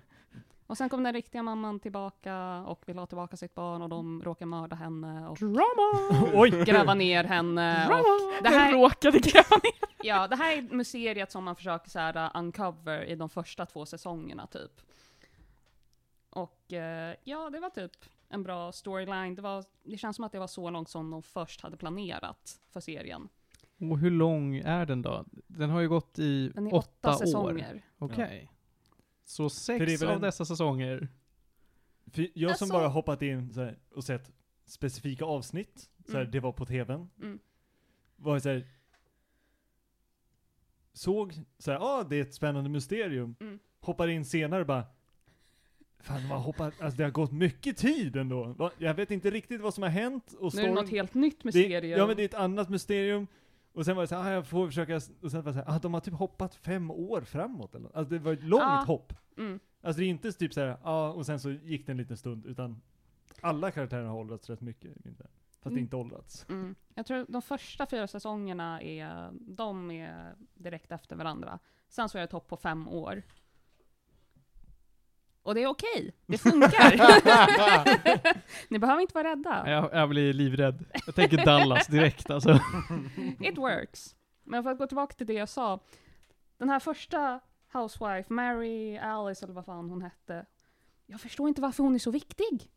Hon är en dålig person, dålig människa och hon har ingen personlighet alls. Men de vill väl ha någonting som knöt ihop storyn i början? Innan karaktärerna var etablerade. Ja, säkert. Men sen fortsätter hon vara kvar också. Det är väl lite där de kom inte på hur de skulle skriva ut henne ur serien. Ja, men och det och alla huvudkaraktärerna, de refererar tillbaka till henne hela tiden också så här. Men Aha. vi kan ju inte låta det här hända igen. Kommer ni ihåg Mary Alice? Och alla säger så här, ja hon var så bra på det här och det här. Bara, hon kan inte ha varit så bra alltså. Nej, för inte efter man har löst mysteriet. Då känns det som att då borde hon vara lite färdig. Ja, nej. Nej. okej. She's still around. I don't know. Pet peeve. Ja. Men betyder det alltså att den blir sämre för att det är mycket som är kvar som etablerade som de drar för länge för att det måste vara det för att serien ska hålla ihop och ha den här identiteten? Alltså vissa grejer blir ju det, men jag tycker att de ändå gjort rätt bra ifrån sig att ha, de har vissa grejer som är kvar alla åtta säsonger och som knyts ihop. Okej. Och vissa grejer, alltså de knyter ihop nästan alla grejer. Man så här, känner inte man saknar någonting. Men sen så finns det vissa storylines som inte alls var bra. Typ efter den här första mysteriet var klart, då kom det några nya som flyttade in i The Neighborhood och de hade sin egna mysterium och var lite sassy baka. Hela den grejen var jättedålig, det var jätterasistisk och det var jätte så här, ooh, scary, mental ill uh, person, lock in basement. Det var nog den värsta storylinen på hela serien. Låter väldigt cringe. det var det. Och jag kom, jag kom på idag bara att den faktiskt var med, för den avslutades rätt snabbt. Och sen så tog de inte upp det igen. Så de kom kanske själva på att även vi har gått över en gräns här någonstans. Ja, jag hoppas det. Eller var det bara att tittarsiffrorna var dåliga vid byter storyline? Jag vet inte, för det, det var ju så här precis efter det här första mysteriet hade blivit klart som det kom. Det känns som att de borde lagt ner lite mer tid på det. För det kunde lätt ha blivit så att eh, de avslutade serien där på liksom ett dåligt avslut. Men det, är det så att de, så här, vi kom på ett snabbt mysterium som en liten placeholder medan vi tänker ut något bra? Kanske, alltså de kunde säkert spunnit vidare på det. Ja, Det tror jag. För de kan spinna vidare på vad som helst i den här serien alltså. men är det känslan kanske? Att man säger, ja men vi har löst det här, vi behöver komma på nästa stora grej. Mm. Vi har en lös idé som inte är riktigt helt genomarbetad. Vi släpper den, ser hur den landar, och så jobbar vi på en, en bättre storyline som vi kan ta in senare. Ja, det och är sen det så nog. blir det lite såhär, ah, nej men den här var ändå inget bra, så vi bara avslutar den, och sen går vi på vår bra idé. Mm. Ja, det låter som att det var något sånt faktiskt. Ja. Men alltså, American showrunning. Ja, det är ju en spännande bransch alltså. Ja, ja men nu... Får eh, göra lite vad som helst där. Ja. Det, jag, tycker, jag tycker det är lite kul att den här serien, alltså Grekland har ju en grej för att bara visa repriser. Mm. För att en gång i tiden köpte man rättigheter till en serie och sen har man inte haft råd med något nytt, så det är det man visar om och om igen. Ja. Ja. Så att, Sverige funkar ju likadant i viss mån. ja, men, men Grekland har bara väldigt mycket pankade kanaler. Eh, d- ehm, på grund av Desperate Housewives och Lois and Clark så är ju hon Terry Hatcher, det är ju typ halva min barndom i TV. Det är, jag vet inte om det är bra eller dåligt, men Det så var, är det det. var hon som fanns på TV. Ja, det var hon som fanns på TV. Du bara, vad, är det, vad, vad finns det på TV idag? Ja, Te- Terry Hatcher. Ja. Jag har ingen aning om vem den här människan är, för Jag att jag har inte sett på någon av dem. Nej. Vem, vem spelar hon i Housewives? Eh, Susan. Susan? Ja. Ah. Mm. Hon är fan en jävligt bra actor. Ja, absolut. Skitbra. Hon var typ den bästa av alla Housewives. Ja, men jag tycker hon är bra. Mm. Men ja, ja men det här är en kul serie. Det är kul. Det är väldigt kul att se på den. Och Man kan liksom sitta och se hur många avsnitt som helst, men alltså det blir väldigt mycket som händer i dem. Det är mord, det är droger, det är blackmail, hookers, whatever you want. It's fucking Vegas. It's Vegas baby. Ja men det är väldigt mycket drama i den här lilla suburben. Och det var väl väldigt så här nytänkande för att oh, nu är det en serie med predominantly kvinnor och speciellt så här lite äldre kvinnor som får vara the main uh, characters. Och man får se liksom, ja det här är så här husfruar men de är inte bara det, they have a multitude of characterism. Och nu, nu kommer, nu kommer en viktig fråga. Mm. Klarar Desperate Housewives av the Bechdel-test? Ja, Det var det värsta. Det får man hoppas över åtta säsonger med massa alltså housewives, att de pratar om någonting annat än en man. Ja, men vad är det största Alltså, det är väl- problemet i denna värld? Men. Det är väldigt mycket med talk about men I don't know. Det är väldigt dumma problem de har också, som man bara, det här är inte ett problem om ni bara pratar med era husbands. Miscommunication as plot point i Ja. drama är alltid så här. "Huh, if you just spoke to each other. Ja. Vi, är du klar med den här serien? ja. Då så. Då tänker jag fråga den gyllene frågan. Hur många gäddor får Desperate Housewives? Alltså, vissa av de här grejerna som inte åldrats så väl är lite för bad. Så jag skulle nog säga typ 6 av 10. Mm. Annars skulle den lätt kunna vara typ 8 av 10 eller någonting. oj. Och sen så finns det ju det här äh, hoppet på fem år som de gör. Och då får man liksom se vart alla kvinnorna hamnar och sånt där. Och jag gillade inte så mycket vart de gick med typ Gabriella. För en av hennes eh, grejer har varit att hon vill inte ha barn. Hon skrev in det i sitt marriage eh, contract eller whatever med sin husband. Mm. Fem år senare har hon två barn och hon har typ tappat allt så, av henne som gjorde henne till den hon var. Mm. Och sen är det typ under de här två säsongerna så byggs hon långsamt tillbaka upp till den hon var. Hon är inte bara en miserable mamma till eh, två rowdy kids.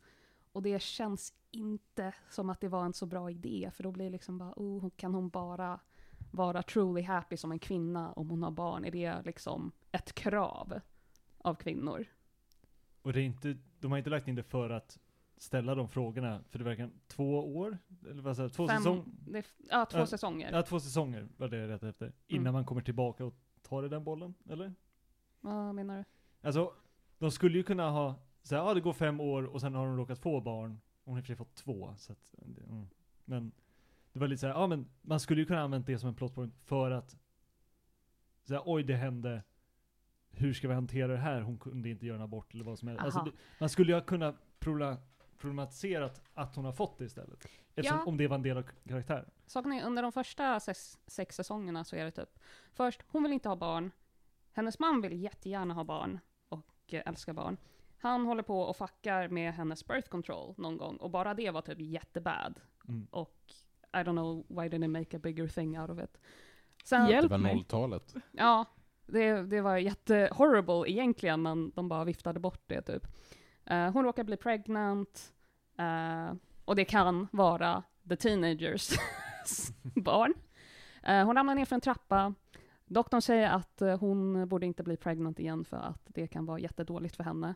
De försöker ha en surrogat istället för att hon blir typ bara, oh, but maybe I want a child. surrogatmamman ändrar sig och vill ha sitt barn. Så liksom, they already discussed all of that, they had a whole thing.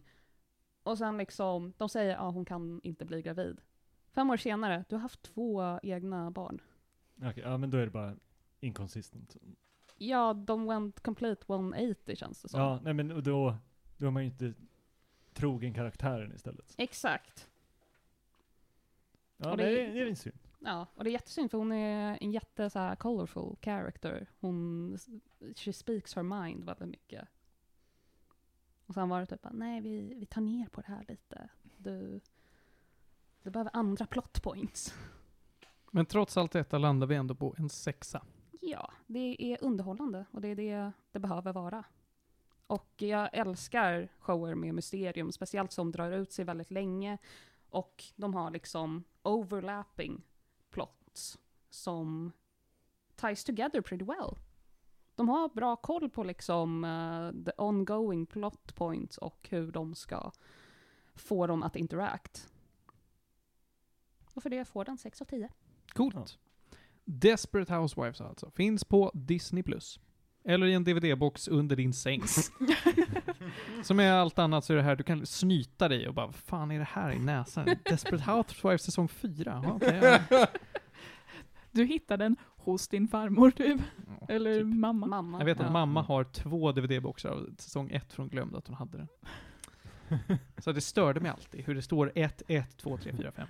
Jag måste bara säga att uh, Lynette i typ de två första säsongerna var big lesbian energy. She was kind of hot. Mm. And we do like that. Mm. Då vet ni det, alla som... Ja, jag vet. Du vet jag, vad jag jag, ska men, säga. vad- jag vet inte vad det, vem, vem ska det locka? I don't know, it was just nice looking at her. She, she had a husband and stuff, but I, I was enjoying looking at her. Her outfits, her beautiful hair. Absolut, kläderna. Ja. Ja men det var så här, hon hade jeans och skjortor på sig. ja, men lite eye candy. Det uppskattar alla. Exakt. Ibland vill man bara något Förstår att inte hur det här har någonting att göra med sexualitet, att hon är eye candy, men ja, kul! Vad bra att du gillar henne. Alltså det finns ju en skillnad på att vara attraktiv för män och vara attraktiv för kvinnor. Yes. Va? Ghost of Tsushima Men var menar ingen väl eye candy. attraktiv för attraktiv? There Ja, are det different aesthetics. Det finns ju olika målgrupper. different. Du behöver inte förstå det just Nej, Nej. okej. nu. Vi, Vi kan ta det vi kan här ha efter Det genomgång här är, det sen. låter Ja. jättekonstigt. Ronja kan rita ett diagram. Jag kände direkt såhär, det här är en terapeutfråga, Ja, vi går vidare. ja, vi gör det. Vi ska avsluta programmet, det är vad vi ska göra. Hörni, eh, är det någon som kommer ihåg vad den sista programpunkten är? Går det Martin? Nej, men Ehm, det är ju roligt. Jag ska hypa upp tre Okej, snabba. Okej, vi ska Jaha, prata. ja. Vi ska ha min Bra tre att. Theo har ingen aning. Nej, jag, jag blev så här: ska vi ta den där ranten som jag tog över telefonen? För det trodde jag hade pratat ut. Ja, men det är klart vi ska göra det. Det är För jag klart var vi... ju väldigt upprörd och äcklad häromdagen. Ja, men du vet Ja. du vad? Du ska få dra din fantastiska rant, tycker jag. Jaha, Eh, ja. Så det så. Men först. Först tre snabba. Är det konstigt? Nej, jag tror att först ska vi väl kanske ha ett ord från våran utrikeskorrespondent. Ja, men alltså det, vi kommer till det också. Ett, jag uppskattar att du talar med det kungliga plurala vi. Ja. Två, Som gästen i programmet. nej men nu är du här. Du, nu, nu officiellt vikarierar Ja, för du, vår... du är Ja. vika, vikarie för... Ja, men jag är ju den roterande stolen. Exakt. Utrikeskorrespondent! Det var tvåan, det tyckte jag Vi också har ju en österrikare på resa har, i utlandet. I, I Sydamerika där österrikare har varit förr. jag, alltså, nu ska vi inte göra det här mer problematiskt än vad det var. Kan vi inte gå tillbaka till att prata om sexualitet och attraktiva människor? Jag förstår Nej, men vi, kommer dit också i ranten. På tal om problematiska. Vi har It's all gått, connected. stopp, vi har gått igenom, vi har gått igenom the male gaze, vi har gått igenom fackförbund. Det, det är så här, det blir inte värre. Kom igen Theo, ut med det. Ja men alltså så här. I veckan, för två veckor sedan, så skulle jag nämligen ha, jag skulle slappna av lite och vara så här, och trogna lyssnare kommer jag ihåg, för jag pratade om det för väldigt länge sedan, när vi satt eh, i midsommarkransen, att jag hade testat på det här ASMR-grejen. Var är det här på väg? Nej. Ja, Jag och så var det lite så här, ah, nej men, jag tyckte inte om munljud och liksom slaskande och hej och hå, utan jag var såhär, men det fanns en hel del som hade lagt ner mycket tid på att leta upp så här, träpinnar och plast och grejer som de satt och körde framför mickar. Jag så här, fan ska jag check, stämpla in igen, se hur har det utvecklats? Och på YouTube finns fantastiskt mycket bra grejer, folk som har lagt ner väldigt mycket tid. Jag gjorde en snabb googling för att se vad som var trend och vad som var så här, finns det något nytt spännande? Och här sket det sig sen. För då fanns det en nej. Twitch-sida av det här. Och den Twitch-sidan, och de hade delat ut pris. Och det var mest väldigt lättklädda tjejer som tryckte in mikrofonen i munnen. Och det är visst för att jag inte tycker om munljud, så det var inte för mig. Men ju mer jag satt och funderade på det, vem det var för, så var det så här. Jag tror inte att det faller under de här liksom triggerljuden. Utan det kändes som bara så här väldigt sexual predator trap, liksom så här, väldigt obehagligt. Och sen var det så här, för det är också riktat, de är ju fullt medvetna om vad de gör, men det riktas också till folk som är underåriga. Och det var lite där det blev ännu mer problematiskt. För mig. Så här, Amaranth får inte hänga i sin jävla pool. Men det här får för sig gå på Twitch. Ja, Får de har inte vara ett i poolen pris! längre? Nej, men hon får väl inte vara i poolen? Jag vet inte. De har bannat specifikt pool. Man får inte vara i content. pooler. Okej, Nej. vad får man vara då? Man får, Men man får, stå in, Man! man får stå och suga av en jävla mikrofon. Det Det får man, göra. Ja. Och det är högst oklart. De hade ett pris till den bästa Twitch ASMRen, vilket var just, och alltså, det fanns en grabb, för jag gjorde lite research, det finns en stackars grabb på Twitch som står och kör med någon jävla träpinne på någon annan träskål och verkligen kämpar. Han kämpar! Och istället så är det 200 tjejer som står och slickar på någon sån här plastöra som är kopplat till någon jävla mikrofon. Och att det, det var De där- sorgligt. De där mikrofonerna kostar skjortan också. Ja. För att sådana används ju för att testa hörlurar och liknande. Ja, jo men, och de kostar ju inget- typ så här eh, 12 000 minst. ja, ja men det är, det är någon stackare som betalar den åt dem. Alltså det är, så är det bara. alltså, och vissa av de där mikrofonerna, jag tror inte att det är den bra mikrofonen i, det är bara plasthöljet. Alltså det ska bara se okej ut. Hjälp mig. Och, alltså jag, jag var så upprörd! Alltså jag, det var så mycket fel. Och sen så var det den här stackars killen på Twitch, och de här som verkligen kämpar på YouTube. Och det är fan, det, det är utklätt, och det ska fan vara såhär, du ska ha ditt doktorsamtal, eller såhär, jag har gått igenom hela min jävla garderob och letat upp grejer för att hitta bra ljud som kan ge de här magiska triggerpunkterna för olika personer. Jag har skapat liksom en såhär två timmars liksom genomtänkt sömncykelgrej för att du ska lugnt och fint somna. Och sen sitter någon i bikini och slickar på någon jävla plastgrej. Och jag, jag blev riktigt upprörd. Jag blev riktigt upprörd. Nu tar vi tre snabba. i, nästa, I nästa veckas avsnitt ska Theo komma tillbaka och få förklarat för sig hur Patreon tjänar sina pengar. Men nästa vecka har vi ASMR. Jag har köpt en ASMR plastmick. Kan sitta här med en jävla kruka och pilla. Ja, men, alltså, det hade Jag tar ett uppskattats glas mer. och bara bling bling bling. Okej. Ja, hörni. Tre snabba då. Felix! Men han ska få sitt. Okej. Förr eller senare. Ta inte det här ifrån mig. Jag, jag tror vi måste landa lite innan vi går till Felix Ja, flygtur. ja exakt. Först och främst så vill jag tipsa om att se serien WandaVision på Disney+. Jag sköt upp den för jag tyckte att jag är så ointresserad av Scarlet Witch och jag är så ointresserad av Vision. Men det var inte de som gjorde den här serien bra. Det var en väldigt häftig premiss. Nio avsnitt, de blir sämre och sämre, men den är fortfarande bra. Den börjar så högt att det, och det går i, väldigt långsamt neråt, så det slutar fortfarande bra. Men det går snabbt. Det är det Det viktiga. gör det. Ja, det gör det. De, är, de pendlar väldigt mycket i längd, avsnitten. Det är Ja. allt från 50 minuter till liksom 35. Ja. Det är en ganska stor, stort spann. ja. Bra mysterium, lite dålig pacing. Så är det. Sen, hörni, så har jag varit, eh, jag har varit i den ordentliga brunnen. Jag har varit i internetbrunnen. Och internetbrunnen för spel, det är vad vi kallar itch.io. Ni alla kommer ihåg, vi har pratat om itch.io förr. Det är en plattform där man kan lägga upp sina egengjorda spel. Där har jag hittat spelet Franken.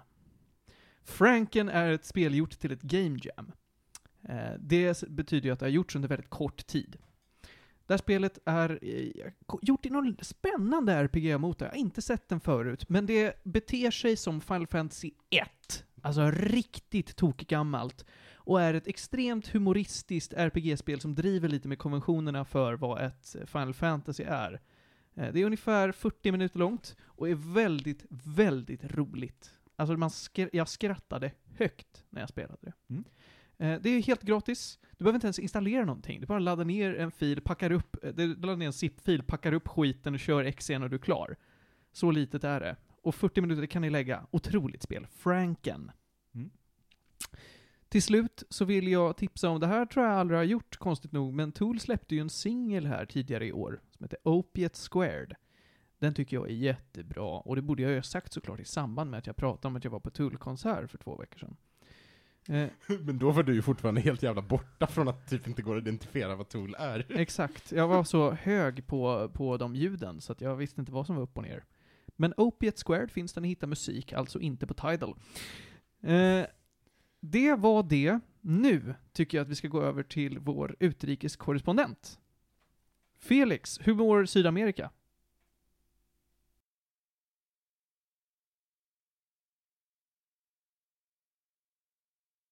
Hej på er allihopa.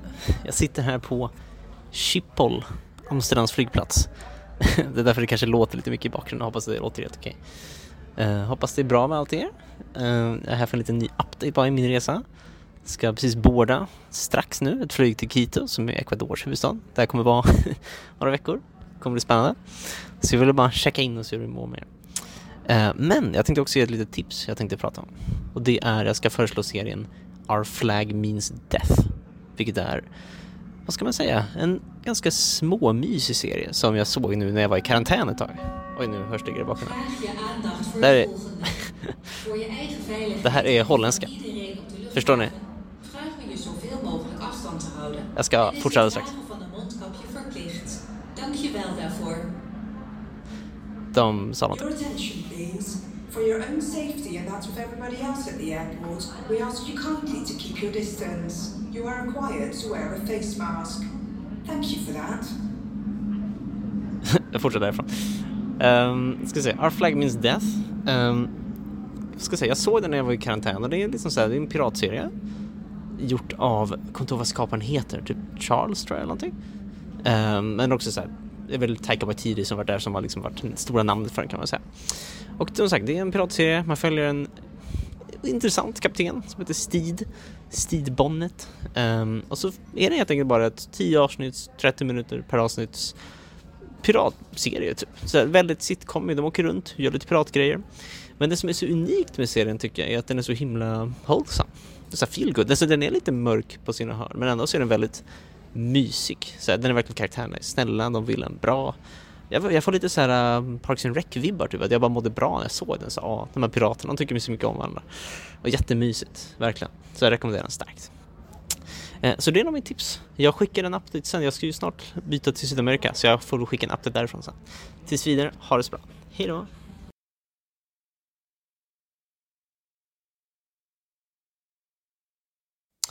Hallå allihopa! Felix igen med en ny update. Jag sitter här på mitt hotellrum i Quito, Ecuadors huvudstad. Har precis kommit tillbaka nu från en vecka på Galapagosöarna. Eh, så nu sitter jag här, kollar ut över, vad är det där? Drottning, jag vet det, Jungfru Maria tror jag det är, uppe på en kulle här uppe. Eh, det är ganska sent på kvällen här, klockan är 11 ungefär.